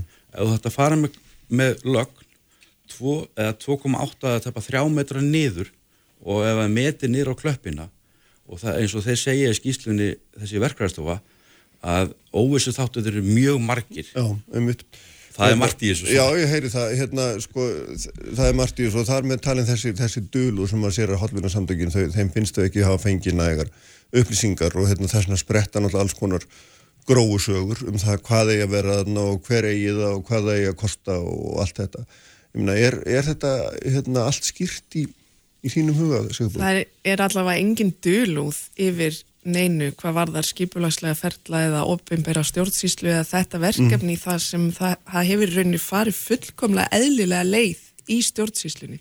Við sem samfélag hefum sett upp okkar stjórnsýslu á hvern hátt, hvernig deiliskypulegur eru unnin, hvernig þau eru kynnt, hvernig þau eru framkvæmt, hvernig síðan þegar að deiliskypula hefur verið samþýtt að þá leggur aðilinn teikningar og svo framvegis og svo framvegis. Allt þetta er unnið samkvæmt þessum ferlum þannig að það er engin döl og þarna í þessu verkefni og ég get ekki tekið undir það. Og mér finnst skrítið að kasta þið fram því að það er ekkert öð, öðrísi við þetta verkefni stjórnsýslulega heldur en önnur. Uh, og mér finnst líka skrítið að ætla að kasta hérna fram að þetta verði eitthvað versluna miðstöð eða eitthvað slikt, það er bara alls ekki það er ekki heimilt samkvæmt allskipulagi þetta ára græn starfsemi mm -hmm. nummer 1, 2 og 3, þannig að það verður ekki versluna miðstöð En einhver verslun verður þarna og einhver veitingarekstur er þetta? Það verður einhvers konar veitingarekstur eflaust mm -hmm. uh, og ég held að það sé bara til bóta. Ég held að fólk vilji fá já, það. Já, það er heimilt samkvæmt. Já, já, alveg eins og kaffi flóra. Uh -huh. Það er heimilt að selja kaffi og kökur og einhvern góðan mat, eða góðan segi ég náttúrulega, maður vil hafa hann góðan, en, en hérna... Akkurat, já, já, við, það er en, ekki heimilt að selja vondan mat. Nei, en ég held bara að við, þegar við erum að horfa á Ellegadalinn og þetta gríðarlega mikilvæga græna svæði sem við höfum í borginni, mm, mm. að þá er eitt sem að, hef, það hefur opiðberast algjörlega fyrir mér í þessu ferli, að það er það að, að fólk hefur áhyggjur af ljósmengun. Ég skil það mjög vel en hins vegar hefur sett gríðilega stífar kröfur um ljósmengun, stífustu kröfur sem hafa nokkuð tíma verið settar í deilinskipula í Íslandi, mm -hmm. við erum með ljósvista sérfræðinga sem að, að erum bara, þú veist, þetta er alveg nákvæmt hvernig ljósi megi að lýsa á hvað tímum dags og svo framvegs, það kemur í ljós að miklu meiri ljósmengun frá ljósastöyrunum í kringum elladalinn heldur mm -hmm. nokkuð tíma mun koma frá þessu verkefni mm -hmm. Fólk, fólki verið tíðrætt um mengun að þetta muni menga og hafa slæm áhrif. Vegna umferðar er þetta að minna það eða hvað? Nei, það er að segja bara uppbyggingin bæjadómi Já, já, já, sjálf já, akkurat. sem er svona yfirbyrður ga garður. Já, og í raun að veru sko við megum ekki gleyma því að elladalun er umlikin umferð. Það eru 120.000 bílar á ártúsbrekkunni sem fara í raun gegnum elladalin á dag. 70.000 bílar á Reykjanesbraut og 22.000 bílar á höfðapakka. Hvernig einasta dag keira þessi bílar ekki og menga garðin þannig að við meðum ekki gleyma Já. því að ef við ætlum að hlúa að grænum svæðum þá þarfum við líka að vera heiðarlega með það hvað er raun að vera að gerast í kringum já, já, Við svæðum getum náttúrulega ekki, sko, sem við nú í mega setna svo skal böl bæta að benda á eitthvað annað, sko, við getum Nei, ekki gert það alls þannig. ekki, ég er bara að benda á það að þessi uppbygging sem að, að við gerum ráð fyrir í deiliskypulæni hún er raun og veru af hennu góða og mun hafa ekki jákvæð áhrif Mhm. Já. á dalinn og útvistum þar sem að þú hérna, veist alveg jafnvel og ég og, og hefur lesið í gegnum þetta allt saman er að það er að, að íbúarnir þeim finnst og hérna manni getur fundist það rétt eða rámt en þeim finnst augljóslega að vera einhvers konar myrkur yfir þessu einhver dölu þeir fá ekki nægar upplýsingar og, þeir, og ég les þetta þannig að þeir telji að, að, að þegar að, hérna, öllu verður á botning kvöld þá komi eitthvað út úr þessu sem að engin veit um í dag skilur mig. Og hérna, að, að það sé einhver svona einhver dölin, dölin hérna, markmið sem ekki búið að segja frá og borginni ber einhvern veginn að upplýsa um það. Akkurat, það er engin dulin markmið þarna undir, það er allt ofinbært, það er allt ofinbært í, í aðalskipulagi, það er allt mjög skýrt í ég, um uppbygginguna, er að hvernig hún þess lítur þannig, út ég er, að, ég er að segja, ég held að þetta sé tilfinningin Já. sem einhvern veginn þarf að, Akkurat, að hérna, áarpa, sem að segja. Já, og ég gert mitt allra besti að upplýsa allt um þetta verkefni, um þessi þetta skipula frá aðtilu, hvað áhrif það hefur, hvernig kemur til með að líta út, hvað kröfur við hefum gert varðandi gróður og ótrúlega margar hluti var til þess að lækka hæð húsana og svo framvegs og svo framvegs og ég vil líka bara hérna fá að koma því að framfæri að ég held að það sé mjög mikilvægur líðræðslu réttur fólks að fá að kjósa um hlutina, alveg svo það fær að kjósa til alþingis og, og sveitastjórnarkostninga og, og ef að þetta mál fer þannig að það fer í íbúakostningu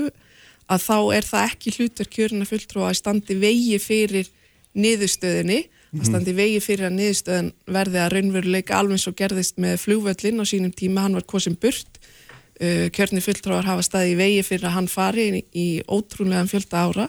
Ég held að, að niðurstaðan ef, að- ef að þetta fyrir íbúakostningu að þá sé það hlutverk kjörna fulltrúa að virða þá niðurstöð Haldur, sko, við, þarna, aðeins að vandið dölúðuna Já, já, ég verða að einmitt, skrifta maður að grípa inn í hérna sko, já, já. af því að Sigur búið að tala um allt sér á borðinu. Já, eitt besta dæmi um dölúðuna er þessi ljósmenguna skísla eða ljósmengun, já, það er samin skísla og í kynningaferlinu sem er upp í Gerðubergi þá kemur maður sem heiti Kristján Kristjánsson held ég öruglega frá Eflu Já. og kynni skísluna Já. og tala um þessar miklu ljósmengun og það séu fjóri punta sem hann hafi mælt og væri, ljósmengun væri langt yfir mörgum í dalnum Mhm. og þá er gripið frammi fyrir honum að einum stjórnamanna í hotlunarsamtökunum og hvaða punkt er þetta að tala um, hvað er þessi miklu ljósmengun Mhm. þá segir hann bensinstuð Atlasolíu við Sprengisand í miðjum dalnum. Þar er eitt punktur í mældur. Mhm. svo bara var hann stoppara hann sagði ekki fleiri punta. Þessi skýsla hefur aldrei verið byrt hún er unnin á spór í sandin framkvæmdar aðala á aldin biódóm þess vegna er hún hennar eign en samt geta allir borgarfulltur á meira hlutnans vitna þessa skýslu, talað um hana mjög degubarkulega en hún er aldrei ofinböruð ég var stjórnamar í fylki í 20 ára. Ég tala við fólk þar og þar viðurkenni fólk þar að það hefur komið maður frá einhverju verkvæðarstofu til að mæla mismun á lýsingu á þessum tveim gerfigrasvellum sem fylgir er með upp í árbæ. Ef þú ætlar að segja mig það að eitt punkturinn sé í við Atlansolju í miðjundalnum, mm -hmm. bensistu Atlansolju sem að ég held að væri þá ekki í dalnum ef að stekkjabakkin er ekki í dalnum, þá og að það séu tveir punktar sem séu á fylgisvellinum, syngur gerfigrasvellinum og svo sé einhver eitt punktur í viðbúð, það séu koni fjóri punktar, þá áttum við þrjá punkta undir kosturum og eitt punkt í myrkri og auðvitað meðaltali langt yfir meðalagi. En þessi skýrsla hefur aldrei byrt. Þetta er eitt af þessu dæmi sem ekki hefur verið byrt. Nei, það er þetta, við getum farið, já, byrju, við getum farið aðeins, auðvitað auðvitað sé smádri og allt það, en hérna, og skulum bara ræða þetta allt í góðu, en, en hérna, en það sem kemur alltaf fram er í hjá ykkur heldur og þín alltaf bara trist ekki borgaðurvöldu.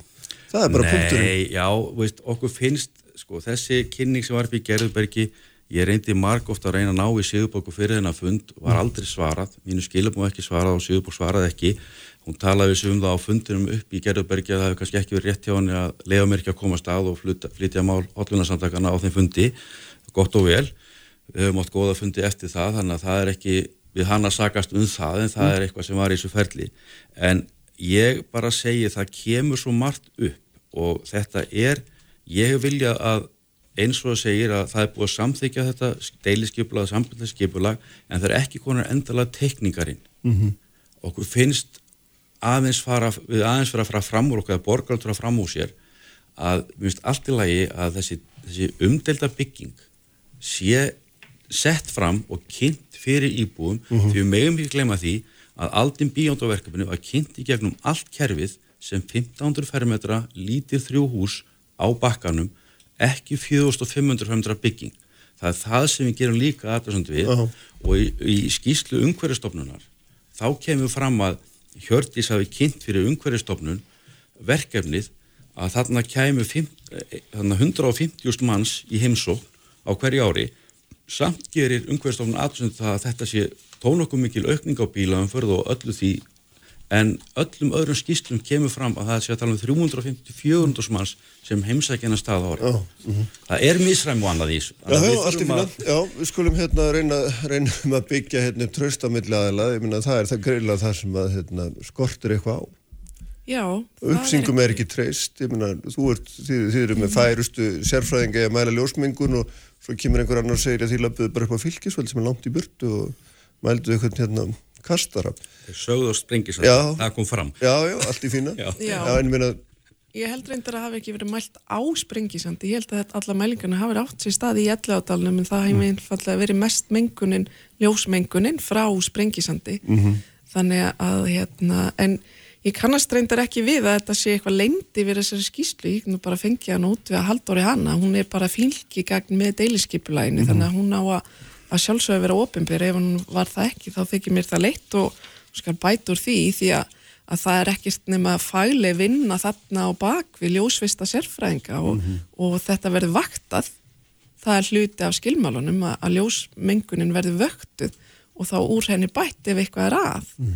þannig að ég sé enga ástæði til að efast um að því verði framfyllt mm. En þú ert alveg sátt og sannfar við það að, hérna, að þessu þessar hugmyndir séu góðar hugmyndir á réttum stað á réttum tíma og að það sé búið að verða allan andmælarétt og allt ferli sé í lægi og það sé í grunnum bara hægt að hefjast handa uh, hérna, sagt, að frátalinni þessari kostningu hún verður. Já, algjörlega, vegna þess að þetta er náttúrulega búið að vera talsvest ferli þar að segja ef við skoðum bara þetta verkefni varðandi bæjadómi, það náttúrulega var fyrst skoðað í laugadalunum þar sem að, að íbóráði laðis gegn staðsetningunni þar síðan var skoðið þessu staðsynning á stekkjabakkanum þar sem að íbúaráðið gaf jákvæða umsögn og var jákvæðt gagvert verkefnu mm. og þess vegna var haldið áfram með það þar. Það er búið að fara í gegnum alla ofinbera stjórnsýsluferla og, og verið í samráðsferli. Við höfum svarað öllum aðtöðasendum, tekið tillit til aðtöðasenda, fækka bílastæðum, lækka byggingar og svo framvegs um, eins og, og við teljum uh, þörf vera á. Mm -hmm og síðan hefur þetta verið samþygt og í raun og veru gerir ferlið á Íslandi ráðfyrir að skipulag sé samþygt, deilisskipulag og það er þar sem að, að almenningur hafi, hefur tök á að, að koma með aðtöðasendir mm. og hafa áhrif, við kynntum þetta líka á opnum íbúafundi uh, síðan þegar að skipulag er samþygt alveg með, eins með þetta verkefni og öll önnur skipulag á Íslandi að þá sendir lóðarhafi inn aðal uppdrætti sem eru teikningar af byggingunni sem þurfa að uppfylla allskilir þeir byggingareglugerðar og aðgengi fyrir alla og ímislegt þannig sem byggingafulltrúi fer yfir og þá í rauninni fær aðinni framkvæmda leifi uh -huh. og byggingaleifi þannig að og það er ekki döðri sem er þetta verkefni og vernu verkefnin. Hins vegar fyrst mér allt í lægi þegar að teikningar koma að, að það er séu kynntar ofinbarlega, það er ekkert að því. Það hefur, hefur verið gert en, en það er rauninni ekki, ekki neinn svona það er ekki lögum samkvæmt það er ekki lagaskilda nei, en það. það er bara svona verið að tegja sig aukalega fyrir fólk mm, til að mm. sjá og það, það finnst mér bara allt í leið, það Já, er gott en, en sko þetta er, hérna, við getum alltaf að vera í samála um það, þetta er, þetta er viðkomi staður og hérna, og svona stórar hugmyndir og, og það er svona kannski mikilvægt að, að hérna, það lognast ekki út af miðju kafi eins og stundum hefur gæst með með ímsar hugmyndir í gegnum tíðina er. Reykjavík borg með einhverja tryggingu fyrir því að fyrir verklokum, fyrir rekstri er eitthvað slíkt að nynni eða er þetta bara, lítur þetta bara sömulögumálum og hver annar fyrirtæki rekstur bara búðalögu við eða, eða hvað sem það er þetta lítur sömu lögmálum og, og öll önnu verkefni og það eru sjálfsög ákveðna kröfur sem eru gerðar. Það eru gerðar mjög mikla kröfur í skipulagi. Byggingafulltrú gerir mjög mikla kröfur. uh, ef að þú hefur framkvæmdir þá þarfst að klára þær innan ákveðins tíma og svo framvegs og svo framvegs þannig að það eru miklar, í raun og veru setjum við ótrúlega miklar hvaðir á uppbyggingar aðila almennt og, og þeir hafa nú verið duglegir að kvart undan því en okkur finnst það bara mjög mikilvægt uh, að tekja sér tillit til umhverfisins og íbúa. Og það er okkar hlutverk að standa vörðum að það það. er, það. er aldrei möguleiki að, að hérna, vegna þetta er nú nýsköpunar hérna, verkefni. Uh, og, og það er erfitt að sjá hvaðan fjármagnið á að koma, mér svost ekki, ekki upplýst um það en þá nákvæmlega, þannig hérna, en það er þínum að þá aldrei möguleiki að þessu hérna, að fólk lafi burti mjög kafi, það er, það er ekki hægt. Eða hvernig sérðu það? Nei, ekki eins og við höfum bundið um hnútana, allavega ekki þannig að það hafa einhvern skada í, för með sér. Ef að, ef að verkefni gengur ekki upp, þá bara gengur það ekki upp og, og þá hérna verður bara haldið áfram með þróun svæðinsins og, og hérna, já þannig að það verður ekkert vandamál út af fyrir sig en, en ég fagna þessari umræði um grænu svæðin og um elladalinn sé frábært hvað fólk í raun og veru er, er það skiptir fólk rosalega miklu máli. Og þá skiptir líka máli að það sé ekki bara þeir allra sprækustu sem að, að hérna, komist í grænu svæðin og, og geti notið þeirra heldur líka fólk sem er kannski með takmarkaða reyfingetu og alls konar aldrei að það hafi líka aðgengi sem við viljum tryggja. Já, haldur, nú er, nú er hérna Sigbúr búin að fara yfir ljósmengurina, hún er búin að fjalla um umferðina, hún er búin að fjalla um lækkun húsa, hún er búin að segja að það sé engin ástæð til að hafa ágjör af því að þetta klárist ekki þetta verkefni svo framvegis. Ég meina, þú ert ennþá jafn, hérna tortryggin Já, ég, sko, hérna í skiplas og samgöngar á því Reykjavík og borgar þann annan oktober núna í fyrra var lagð fram beðinni um það að fá að sjá þessa ljósmengunar skýslu sjá þessa skýslu henni verður ekki ennþá verið svarað. Það var líka lagð fram beðinni þar um að fá að vita hvað kostnaðu borgarna væri Hver, hver laði þetta, þessar beðinu fram?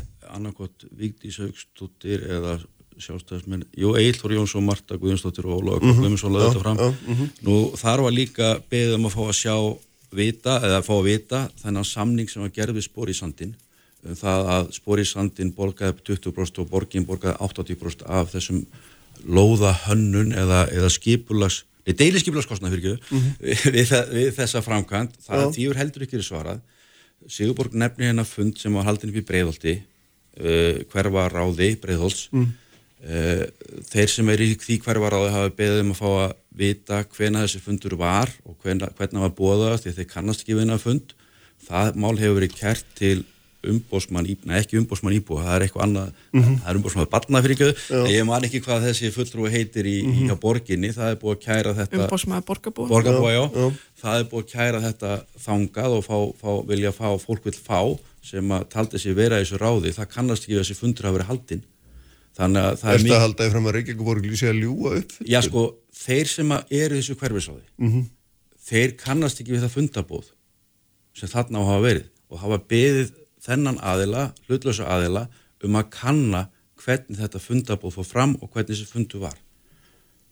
Þannig að það eru mörg atriði Já. sem eru mjög skrítin í þessu máli Kristján. Já, já. og hafa ekki verið upplýst. Og það er alveg eins sko fólk talar all- alltaf um þetta raskaða svæði. Veist, ég vil miklu ekki að tala um þetta, þetta svæði sem er bara ekki hyrt og hefur ekki verið sint af borgarjöföldum í lengri tíma.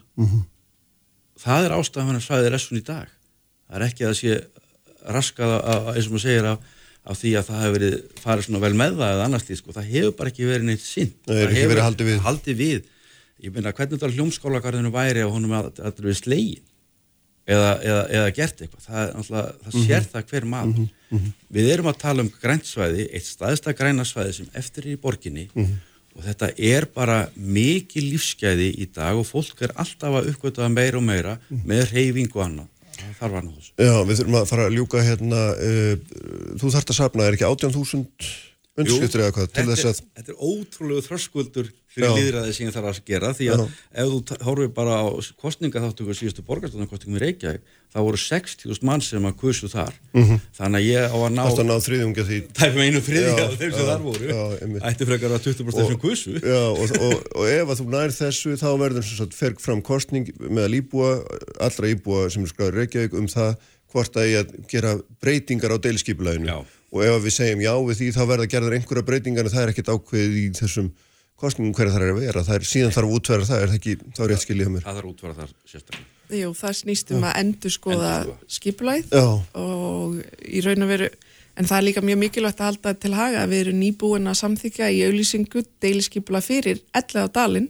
sjálfan þar sem að er verið að stækka hverfisvendina í ellega á dalinum og, og í raun og veru styrk bæta við göngu og hjólastígum í ellega á dalinum sjálfum þannig að við viljum svo sannlega standa dalinn já, en það er bara, hérna, Sigurborg í lokinni minna, það er, þú veist, hérna, nú ert þú búin að fara með þessar, búin að skýra þetta mál svo mörgum sinnum ábygglega gegnum þetta ferli og það er samt þessi viðvarandi vantrúa og því séu þau meina að segja satt, að því séu það að, hérna, eh, haldið öllu opnu, að því leggji fram öll gögn og, og svo framvegis. Og þetta er auðvitað óþólandi, hérna, staða fyrir alla. Já, mér þykir þetta ótrúlega leitt að heyra þetta að það er einu ríki ekki traust því að, að það er að sjálfsögðu og, og það er engin, ég segi það, það er svolítið erfitt að segja aftur og aftur að sjálfsögðu er ég að segja satt, að sjálfsögðu er ég að vinna eftir bestu getu og koma með öll gögn að ofinbera allt. Við viljum hafa umræðina heiðarlega. Ég sé það sem mitt hlutverk að standa vörð um upplýsingarnar og koma réttum upplýsingum og staðrindum á framfæri. Þa, það er mín vinna. Þannig að, að sjálfsögðu er ég að segja satt. ég auðvitað Sigurborg ekki að þessu því að eins og ég svo En þið verður líka að gæti ykkur að því að gæti ykkur að kasta ekki fram alls konar villikenningum, maður er fljótur að reyka sig á þær líka. Já, já, en ég öfundar ekki því að eins og hún segir sjálf og ég sagði hérna áðan, þá er ekki endalega tekninga komna fram ennþá. Þetta er ennþá í ferli tvö og þess vegna finnst mér að við eigum aðeins að sko ít á pásutakkan, þanga til að við fáum þessar endalögu tekningar og þá er miklu raunhafara að fara með þetta í undirskiptasöfnun í þetta ferli til þess að við séum að segja satt og rétt frá og gera þetta rétt. Því það við liggur ekkit fyrir það tilbúið. Herðum, við komumst nú ekki lengra í bíli. Takk ykkur báðum fyrir að koma. Takk fyrir. Uh, ég ætla að ræða hér um laun á kjaramál, vinnumarkað, eittur augnum líka. Uppspretta frétta á Sprengisandi á Bylgjunni. Sprengisandur á bylgjunni alla sunnundasmórna.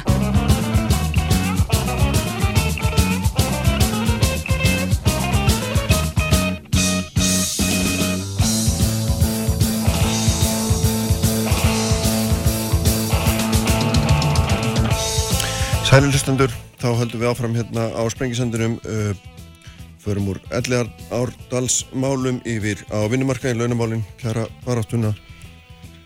Uh, Viða Þorstensson sem er frangatisur eblingar er hérna átni Stefán Jónsson, formaður Samíkis, uh, Konrad Guðjónsson sem er hagfræðingur viðskiptaráðs og Þórdís Lóa Þórhaldsdóttir borgarfulltrúi, uh, formaður borgaráðs. Yes, Er það ekki rétt? góðan daginn. Góðan daginn, komið sælell og velkomin. Sæll. Eh, hérna, þegar líkskjara samningum, þegar undir hann var skrifað þá heldur nú flestir held ég að það væri komið svona bara góðu friður framöndan og hérna menn getur sest niður og, og hérna unni sátt á samlendi en svo hefur nú annað hérna komið á daginn því að ofinbæri starfsmenn eru náttúrulega búin að vera að reyna að semja í heilt ár margir hverjir og hefur nú lítið miðað og hérna, þetta kristallast nú svolítið í hérna, verkvall eblingar og verkvallsbóðun ykkar átni í Samíkís og, og BSRB náttúrulega núna og, hérna, og þessar umræðir sem er líka verið um, um, um, hérna, ré- rétt, eh, um, um, um leiðréttingu lægstu launa og, þarna, og, og svo framvegs og við sem aðeins reyna að fara yfir, yfir þetta svið sko, hérna, við að það er, það er ekki eins og bóðað fundur hjá ykkur núna þannig að þarna, þetta hljóma nú ekki félaga Nei, en það, það verða fundir Já. og þeir eru, bara þeir eru bóðaðir oft með stuttum fyrirvara. Já, Ríkisáttasemjari metur það á hverjum tíma, hvernar sé rétt að, tímasetja fundi og, og við svo sem berum ágætt tröst til embættisins að meta það. Og við nýtum tíman vel í millitíðinni, við erum, við erum á fullu, við vinnum hérna, baki brotnu, uh, allar helgar og, og fram á kvöld við það að, að hérna, eh, undirbú okkur og halda áfram við að, að leita leða svolítið að við munum mæta mjög vel mm, mm. undirbúin til leiks þegar að... Þú sagðir einhvern veginn um daginn að það væri stittur á millíkar heldur en margur heldi, er það eitthvað sem það alltaf fast við, sem að skinnir ekki alveg þann tón? Já, sko, það er svona, svona, svona líkingamál, sko. Mm. Sko, mál er það ef, að, ef þú ert með gagnaðala sem að, að sko þráast algjörlega við að gera jafnvel bara mjög litlar breytingar og taka bara mjög lítil skref mm -hmm. þá er langt á millið þó að skrefið sem þarf að taka sé ekki, sé ekki það stort uh -huh. Og ég lít svolítið sá að það sem að við höfum lagt upp með hérna í þessum viðræðum er það að gera bara mjög hófsamar uh, og raunhæfar uh, og nýtmiðar eins og við höfum kallað leiðréttingar á kjörum tiltekina hópa í með málefnulegum rökum og í samræmi við yfirlýsingar sýtjandi borgarstjórnar meiri hluta en uh, það hefur ekki bara verið sagt, höfnun algjör á því að hálfu borgarinnar heldur höfum við líka núna síðustu mánuð alla þessa mánuði sem þessi kjartæla hefur tekið verið að takast á við bara í raun og veru miklu svona dýpri vandamál heldur en það. Þannig að það hefur kannski ekkert verið nægilega upplýst að borgin hún fórin í þess að viðraður á þeim fórsendum að ætla, jú, sæðist ætla að gera þessar hérna, samtals 90 skrona takstahækkanir í samræmi við lífskjærasamningin en hún ætla að láta sko, raun og veru stæstan meiri hluta okkar félagsmanna kaupa þetta halvpartina sjálfum sér með því að, að, að svifta það á eldri sérgreðslum sem að, að þeir voru með mm -hmm. umsamdar tíu tíma hérna yfirvunugreistur hjá fólki á leikskólum og svo framvegis mm -hmm. og ég held að svona ef að fólk er að klóra sér í kollin því að akkur þetta hafi ekki gengið og, og hérna akkur við höfum ekki fallist á einhver örlátt bóð borgarinnar bara strax frá byrjun það er þetta bara ekki raunveruleik mm -hmm. og Reykjavíkuborg lagði upp með þess að viðraðar að mínum að þetta á mjög svona sérkynlegan hátt Borgarfulltrúin, Lóa hvernig hljóman þetta í þín eru? Þetta hljóma bara þannig að við erum í miðum samningavirðum mm. uh, við samningaborðið sem þar eiga umræðunar að fara af stað Eh, það er endar alveg rétt hjá viðari að það kemur inn á eh, sko, svona málefni sem við settum í meirhundasáttmálan og það snýri að því að við vildum e, jafna laun Reykjavíkuborgar starfsmanna, móta kjarastefnu og, uh mhm. -huh. og stefna styrtingu vinnivíkunar og svo ekki síst það sem við höfum alltaf að tala um og við verið sérstaklega það er að leirita laun e, hvernastjætta. Já, nú hafið þið aldrei tækifæri til þess.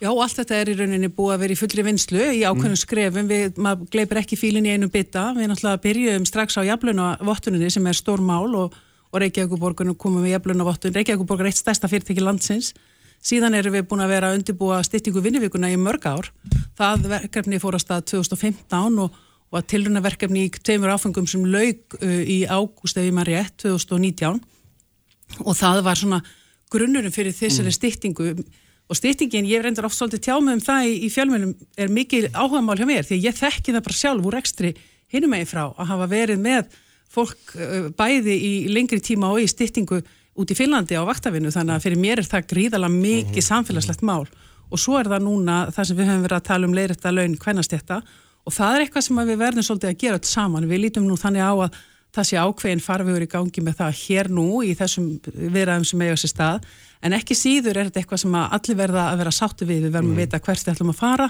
hvert vandamál er. Finnst þér kröfur eflingar um það núna að vera of djarftækar þá eða, eða hvað, hvað? Ég er alltaf ekki að fara að tjá mig um kröfur eflingar, ég er fyrst og síðast og ég hef alltaf ítrekkað það, svona samninga við erum að reyga heima við samningaborðið mm -hmm. þar eru aðilar um umboð Nú erum við vitum við um tilbúin, það er hérna, það búið að gera þetta allt ofinbært ólíkt því sem oftast hefur verið, það búið að gera þetta allt ofinbært, það búið að gera kröðunar ofinbært, það búið að gera tilbúið borgarinnar ofinbært við höfum þetta allt fyrir framann okkur sko. Já, og, og þá sjáum við líka hvað er, hvað er mikið á milli, það er mm. ekkert langt á milli og ég mm. held að við séum komið nær heldur en viljum, það er líka mýmislegt fleira heldur en krónutöluhækunin sem að þarna er undir, það er meðal annars styttingi vinnuvíkunar, það er orlofið, það er ímis ákvæðið sem snú að mentaleiðum og fleira, þannig að ég held að við séum bara vonandi, kannski er ég óþálega bjart sín, en ég held við séum samt komin á ákvæðan farveg sem að við erum komið með umtals og samtalsgrundvöld mm, mm. og við verðum að vera þar því að það er líka mikil ábyrð í því frá allra aðeila hálfu að taka þessi skref áfram og uh, tala saman og semja því það er, við, við verðum að semja, við mm. veitum það öll. Við, ég veit, þú kemst að við erum hérna, Konrad, sko, hérna, kondaðins með hérna, þinn svona hól inn í þetta vegna sem við erum þetta og meðan að þessi, þessi ringlásir í gangi hjá ennum volbúru stafsmum, þá, þá vitum við það líka að hagkerfið er að skreppa saman. Það er hérna, minna til skiptan eins og stundum er kallað og hérna, það er bara auglust mál og, og við erum um, stóru ekki aðunuleysi það er bara akkur það sem er og hérna og það er nú einmitt ástæðan fyrir því að maður hefur svolítið bara hreinlega áhyggjur af stöðunni eins og hún er. Að það sé ekki nægilegs sátt að þér virðist til dæmis um lífskjara samningin sem maður held að væri svona ágæðis grundvöllur fyrir það að ná markmiðum sem að flestir voru allavega upp að einhver marki sammálu um að það væri tilumni til þess að hjálpa sérstaklega þeir sem eru á lagstu launum. Mm -hmm. Það felur það í sér og aðgeri stjórnvalda sem honum fylgdu sem er leiðis. Maður haldi að það væri góð sátt um þetta og einhvern veginn svo meðan það sem maður sér allavega svona horfandi utanfrá sem svona leikmaður sem maður þekki nú ekki alveg allt sem er að gerast í þessari deilu að þá virðist það því miður ekki vera og við horfum á bara heildar samengið sem að vantar oft algjörlega inn í bara kjara umræðinu almennt. Og það er það hvernig, einmitt sem þú segir, staðan er í hagkerfinu, hvað er raunverulega til skiptana, hvernig er atvinnu þróunin mm -hmm. og við sjáum það til dæmis í atvinnulífinu að það eru um 7% fækkun starfa síðastleginn tvö ár í atvinnulífinu sem er greiðilega mikið, það eru fjölgun hjá einu ofnbæra á móti. Og við erum að sjá það að atvinnuvega fjárfesting sem er náttúrulega grundvöldu þess að það séu störf, að það séu aðunlýsi vaks og dafni, það þarf fjár, að fjárfesta bara alveg eins og hefur ofinbæra þarf að fjárfesta og við þurfum að fjárfesta í okkar íbúðarhúsnæði þá þarf aðunlýfið að fjárfesta og það er einfallega bara oflítið að gerast þar og þegar staðan er svona og við horfum fram á mm. launakostnað sem er að stefna í sögulegu samengi á ótróðuna slóðir jafnvel innan ramma lífskjársamningsins og þá er ég meina það hversu hátt hlutfall af virðisaukunum fer til launþega. Nú í sjálfu sér er það ekkert endilega slæmt. Minna, veist, fyrirtækin og við öllum minna, við viljum að launin sér há.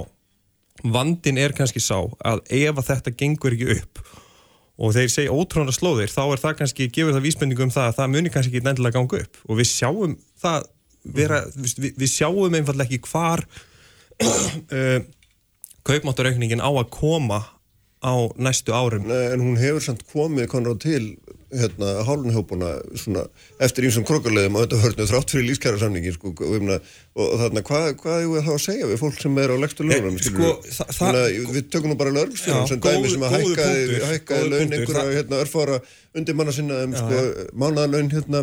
Góði punktur, það er oft sagt Leikskóla stafsmannsfjörðhengi, það er svona cirka Það er mjög oft sagt að vera gaggrina til dæmis mm. kröfur hjá eblingu og öðrum sem eru svona læri launum að það sé bara stöðulegin, bara undir þeim komin það er náttúrulega af og frá nú bara svo ég vitni, bara í til dæmis hvað viðskiptur á þessum kjararáð uh, framkvæmdastjórn sendi frá sér sérstaklega yfirlýsingu um mm, ákvarðinni mm. kjararáðs og það gerist en þetta það, það, það gerist bara hjá hennu ofinbæra skiljur það er náttúrulega út um allt Já, já, og það, minna, ég, minna, maður sér það á tölunum samt allavega hjá atvinnulífinu að það virðist vera forgáðsögun í því að hækka lægstu launin þar. Það er mm. hefð ofinbæra það sem hefur verið að hækka hægstu launin og þar er vandin og það er ekki síður sökutólkurum, við höfum meðal annars tala fyrir því að það hefði jafnvel átt að frista laun þeirra sem voru undir kjara lengur. Mm -hmm. þannig að það þetta er sko, þetta svona svo kallar höfrungarlaup, þetta er fyrst og fremst kerfislagur vandi að þú veist, það eru það, þetta er ekki eitthvað einum að kenna eða einhver eitt sem að uh, getur endilega að stoppa það mm -hmm. ábyrð eins, þetta er, þetta er, samf, þetta er einhvers konar samfélagslegt vandamál maður líta á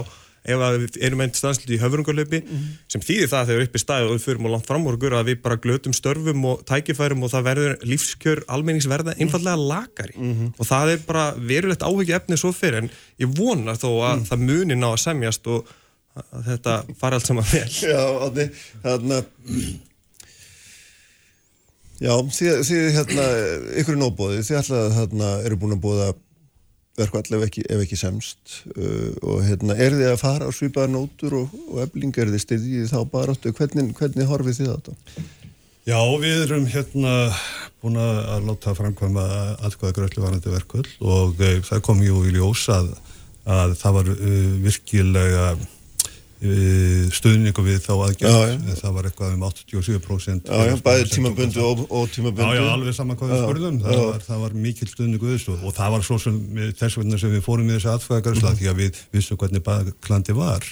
Það var eh, orðið af var óþólum á hluta til vegna þess að það gekk ekki í þessu semningu, við vorum búin að býða í allavegu mánuði mm -hmm. og við höfðum svona tilfinninguna ef við gerðum bara hreinlega ekki þetta, heldum bara áfram þessum e, viðræðum sem voru mjög stópular að þá myndum við bara þess vegna lenda fram á vor svo að eitthvað það, uh, var það að gera.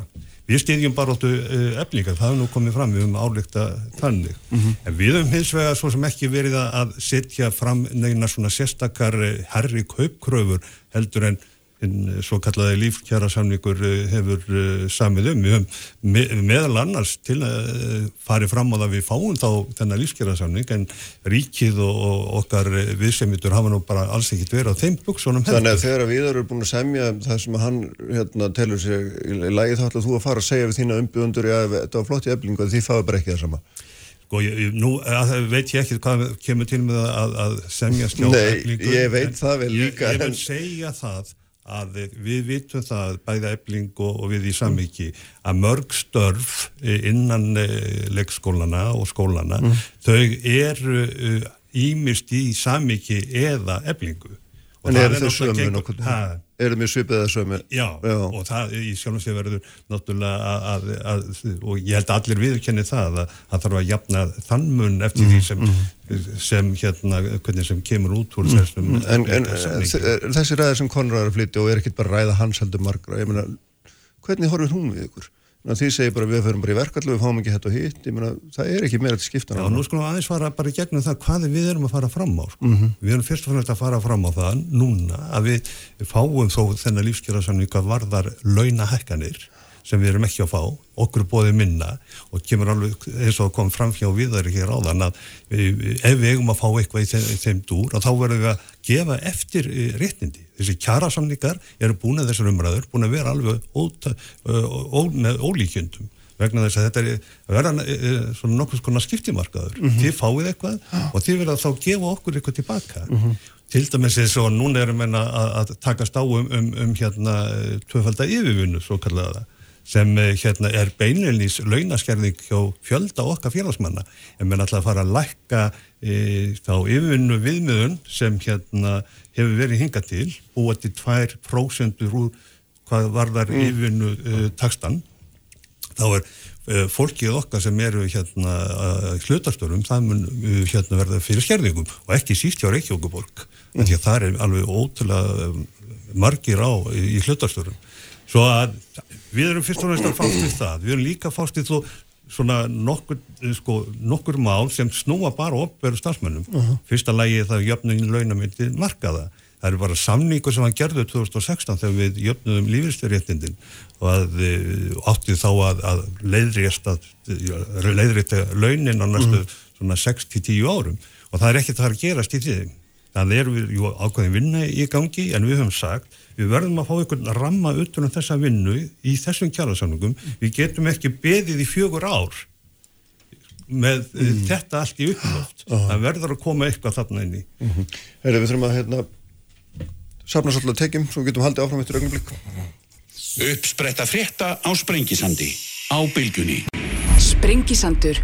Alla sunnudaga á bylgjunni. Uh, Sælir afturlýstundur, við höldum áfram hérna, talum um laun, kjör, vinnumarkaðin, þessa þróun sem er í gangi, erum nú svona vera ansið mikið olga við að þú er að vera komið þér hérna, þú réttur Já. benn til að lofa að vera að tala. Já. Hérna, og hafður ykkur að að sendir fram að færa ekki, trú ég. Meina, þú ert að, hérna, þið hafið líst framkomur ekki eitthvað borgar sem ég óbylgir gjarnri allan tíman og hérna, og lístinni sem nánast fyrirlitningu í garð láluna hvenna, við fáum lóð til að svara því hérna eftir. Já, já. Ég langar kannski bara að bregðast östu til því, ég Já. ég finnst það bara ánægilegt að heyra Þúrdísi Lóður svona lýsa vilja til að standa við orð sín um það að þurfa að leiðrætta laun kvennastjætta eins og borgarstjórn meirilutin lýsti yfir mjög hátilega þegar hann tók við, við völdum. En ég verði líka bent á það að jafnlaunavottun tekur ekki á þeim vanda. Hún tekur ekki á vanda heillra stjætta hún tekur engöngu á því að kallar og konur innan sömu stjættar og í sömu störfum séu á sömu launum sem er auðvitað mjög mikilvægt og jákvæð en hún tekur ekki á þeim vanda. Hér erum við með sögulega vanmetin störf sem að hafa verið og eru ennþá vanmetin, vil þótt að í þeim séu sannlega einhverjir kallar. Og, og eins líka er stytting vinnuvikunar besta mál Þórdís en í henni fælst engin sérstök leirreiting á, á launum kvennastjætta svo því sé haldið til haga. En það sem ég langar kannski líka að koma þess inn á vegna orða hans Konráðs um, um hérna, spurningina um sátt um lífskjærasamningin við höfum í eflingu alltaf sagt að við erum bara mjög sammála og erum hérna, trú þeirri hugmyndafræði lífskjærasamningsins að það eigi að nýta það svigurum sem til staðar er til þess að gera sérstakar hnitmiðar hækkanir á, uh, á lagstu laun, algjörlega. Við höfum aldrei lagt nokkuð til sem felur í sér uh, neitt, neitt frávik frá þessu. Við höfum lagt fram kostnaðarmetnar tillögur um það hvernig Reykjavíkuborg geti uh, uppfyllt þetta innan akkurat þess svigrum sem til staðar er, sem að hjá borginni reyndar er töluvert og kannski meira heldur en almennt hefur verið uh, fjallaðum. En það sem okkur finnst kannski merkilegt og okkar fólki er það að þegar við komum fram og setjum fram raukstuttar tilörum það hvernig megi framfylgja þessari hugmyndafræði lífskjársamsins í tilfelli okkar hóps sem að þá líka hafa í huga er mjög ólíkur hópur á hennum, hennum almenna vinnumarkaði. Til dæmis að því bara launasetningin er allt annars eðlis, fólk er ekki að fá mikla yfirvinnu eða vaktavinnu, fólk er ekki að fá hérna, mætingabónusa mm. og, og hérna, getur ekki farið í launaviðtöla, getur ekki nýtt sér lögmál frambús og eftirspurnar og, og, og svo framins og framins að þá sko sprettur fram e, einhver hérna kviðdómur íslensku valdastjéttarinnar þá sprettur fram sko sæðlabankastjóri stígur, stígur fram hérna framkvæmast fyrir samtaka atunlífsins leiðara, skrifarar í, í miðlum eru, eru ræstir út.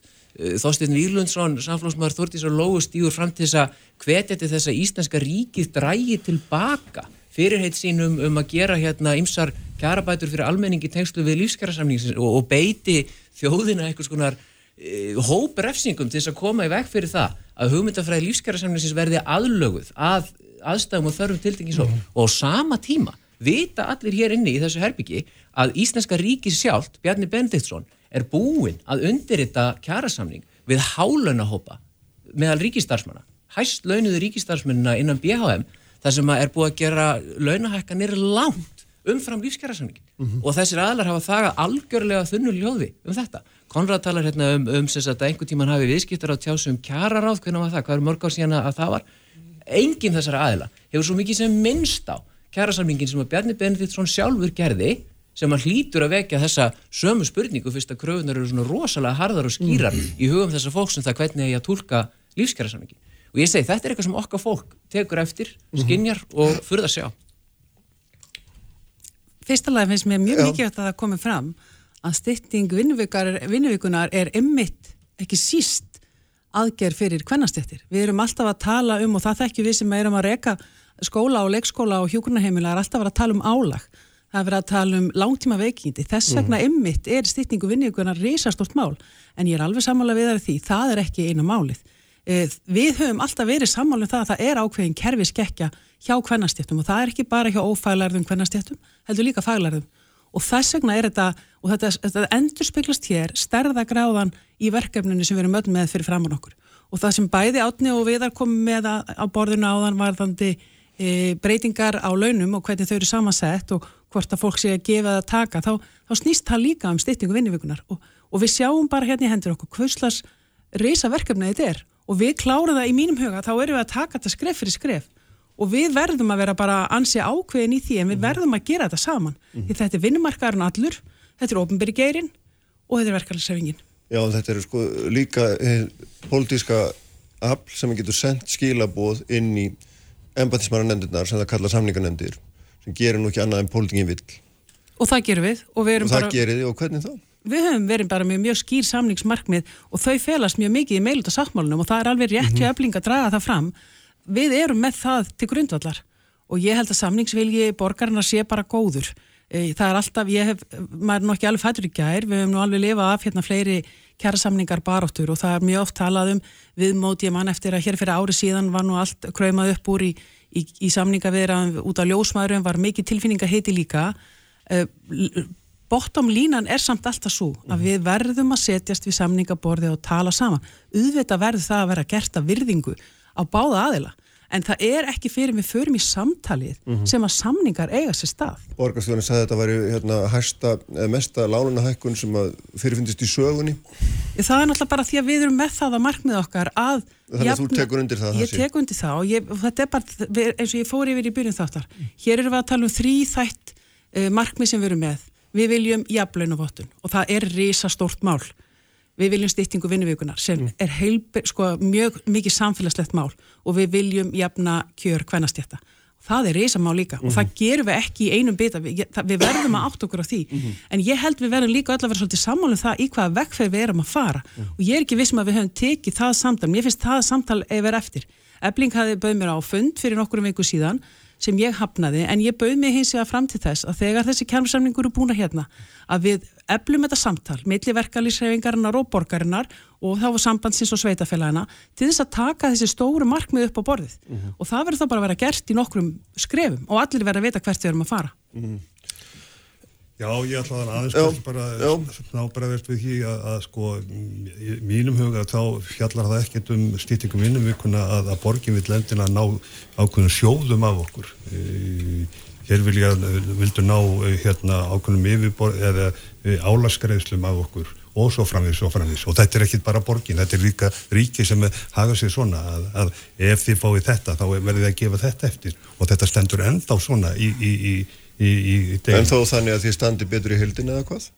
E, nei, ekki, Nei. Okkar, ekki okkar mati við, að, að gefa þetta eftir og við, við erum, sko, ef við vildum gefa þetta eftir þá, og teljum okkur fá Meiri stöðan? já, þá, þá myndum við vantalega hugsa það vel. Mm, Vandamál alltaf við svona skiptingar er það líka það að, að þú gefur eitthvað, þá er það bara einhver allt annar hópur heldur en þess er að fá sem, sem er að gefa, skilur og það er bara mjög erfitt félagslega og við höfum bara engan áhuga á því. Mér langar líka aðeins nefna að því við tölum svo mikið um lífskjara samningin. E, við opverð starfsmenn, við hérna erum svolítið hugsi yfir þeim blessaða samningi og aðalega vegna þess að e, þegar menn að lokum e, settust niður við samninguborði að því menn voru nú í viðræðum við stjórnvöld um ákveðna hluti saminlega, allir saman að þá hérna voru við óbyrgverið starfsmennir útilokaði frá þeirri umræðu. Og ég held að það hafi verið mjög slæmt. Og svo koma mann með þennan lífskjara samning og segi, já þið eigi að taka þennan samning. Nú höfum við ákveði hvernig þið eigi að semja mm. Alveg nákvæmlega sama með fólki okkar hjá Reykjavíkuborg sem hafði enga aðild að því og fekk ekkert að kjósa um, um lífskjara samning. Nei, akkurat, akkurat, það, það er nákvæmlega aðeins Ég vil nú þá lefum mig minna á það að við vorum að reyna hérna 2014 og svo í kjæransamningunum 2015 sem var þessi rammasamkomalag stundum hefur við nefndi einhvers konar Salek sem er nú rangnefni vegna að Salek hugmyndi var nú í lengri auksín heldur en það. Að þar komu þó miklu fleiri að því að ákveða hver launathróunin nætti að vera frá 2013 til 2018 og það var miklu meiri þá friður um það þessi aðferð sem er nótuð núna er algjörlega hafnað af, af okkur ofbjörnum starfmannum allavega. Já, Já, uh, það er að nóg að taka sko kannski. Já, já. fyrst að ég verð bara að játa ég, ég, ég, ég skil hérna hvað er verið að segja með sko hugmyndafræði lífskjara samningsins að þessi verið að fylgja henni og all, sko það eins og ég segi sko það getur verið ver, verið góð málefnilega rauk fyrir því að það ég hækka laun einhverja hópa jafnvel umfram það, ég ætla ekki að útiloka það en það kem ég ekki við neinu leiti að þessi samningum. En það er samt svona, ef þú pælir í því, það er ekki nefn að vona að fólk aðeins rökk við kút þegar kröfunar eru cirka tvöfaldur lífskjara samningur það er nú bara einfallega þannig. Og svo aftur, meina, en, en þetta er samt alveg hérna, þetta snýst samt ekkert, eins og segi áðan, þetta snýst ekkert endilega um lánunlahópin og eh, fyrst nefn, við að nefnir BHM uh, ég er nú ekki alveg kannski ná að kynna mér nógu vel en ég sýnist alltaf í prósendum ég sé ekki undir lífskjara samningunum en gott og vel, ég er alltaf Nei, en tilbúin þú að veist hlusta. mæta vel að lífskjærasamningurinn, hann var kynntur allstaðar sem á fórsöndu þess að þar væri verið að gera krónutöluhækkanir. upp að vissi marki allavega en ok, Nei, það var bara aldrei talað um neitt mark, það var bara, vaffer, fjölst á það, Gott og vel, að semja engöngu um krónutöluhækkanir sem að var ákveðin fórfærð af hálfu fólk sem er þar vel yfir meðaldekkum Gott og vel, þess hóps. gott og vel, en all, allavega, ég, eins og segi, það er þá, ef að það er veruleikin og eins og segi, þetta hefur minnst ekki alveg komið nógu vel fram, þannig að það er klálega eitthvað sem má horfa á. En allavega, að, allavega, leið mér að klára, en allavega, þetta, sko, svo koma aftur að heildar samingin, það sem líka er ekki búið að nefna hér, er með, ef að, ef að það verða þessar launahækkanir hjá eblingu og þeirra hópum, með réttu að röngu, alveg óháð því hversu miklar þeir eru að vera, að þá, eins og ég segi, það gleymir svo ofta að horfa að heilda samengið og hvað er það samengið? Það er fólki sem stendur við hliðin á þessu fólki inn á leikskólanum sem er leikskólakennarar. Það er miklar ávegjur því að fólk sé einfallega ekki fara í leikskólanám af því að það einfallega bara borgið sér ekki. Og þar myndu fá mikla kröfur. Svo eru önnustjætt sem ber sér saman við leikskólakennara. Og það eru grunnskólakennarar sem er búin að í mörg, mörg ár búin að vera uh, reyna að berjast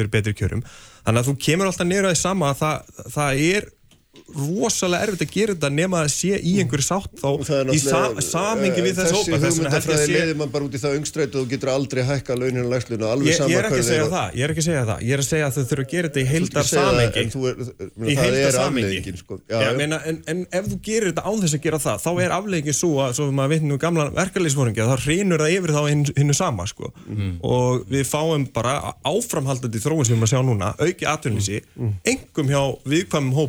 núna erlendur ríkisborgurum Já. og ég allavega bara fyrir mitt leiti persónulega og bara sem við heyrum frá okkar félagsmönnum fólk hefur bara svolítið miklar áegjur af því að við vunum þessi lífskjærasamningur er alveg nógu þungur fyrir atvinnlífið að bera mm -hmm. með við stöðuna eins og í dag vegna þess að framlegin í aukningin í fyrra og í ára er engin en því að það sögurum við hefur ekkert aukist heldur er þetta einfallega bara fyrirtækinn þurfa bara að hagra einfallega til að ná þessu fram og ef það fer eitthvað fram á því þá held ég að sama hversu góð markmiðin er um að hækka lægstu launin og ef að það gerist ekki í einhverju almenni sátt með því að, að við sem horfa á heildasamingi að þá muna einfallega ekki bera árangur því meður. Ég verð nú að fá skjóta það sko, mér finnst það ótrúlegt að heyra svona þess að sjálfskeipuðu var með lífskjara sem verður svo skemmtilega tilbúinir að endur tólka hann bara okkur algjörlega óvæntan átt. Nú er það allt í einu bara, nú rúmast það inn að lífskjara samlýsins að gera mjög hérna, ríflegar og örlótar uh, krónutöluhækkanir langt um frá það sem að láluna fólk fekk fyrir ríkistafsmöl. Mér finnst það bara mjög áhugaverk. Ég, ég er ekki talsmaður lífskjársamningsins og tólkað þegar að kemur að, að háluna fólki en, en, hérna, en tólkanirnar eru mjög strángar þegar að kemur að láluna. Þórti slóðar rétt að fá... Ég fagnar því. Ég fagnar því að heyra umstuðinu. Við sjáum bara hérna nákvæmlega sko, vegferðina sem við erum í og hvað starðagráða af málunum við erum með í höndunum. Mér finnst það hafa endur speglast mjög vel hérna í þessum samræðum þetta verður, þetta verður að takast að taka þetta í skrefum og mér finnst svo merkilegt hvað við erum einhvern veginn með þetta reysa verkefni fyrir framann okkur, við erum að rýfast, við eigum ekki verið að rýfast, við eigum að vera að tala saman mm -hmm. og semja og leysa verkefni. Það er það sem við erum að gera. Heyrði, öll fjóður, takk fyrir að koma, það er frábæðilega gaman að fá okkur. Þortið Slóa, Konráð, Átni Stefán og Viðar. Sprengisendunum er lokið í dag. Ívar Jóhann Haldursson stýrði útsendinguna venju allt efnir á vísi.is og bilgjam.is og ég verð sjálfur með ykkur hérna aftur eftir viku. Verðið sæl. Takk.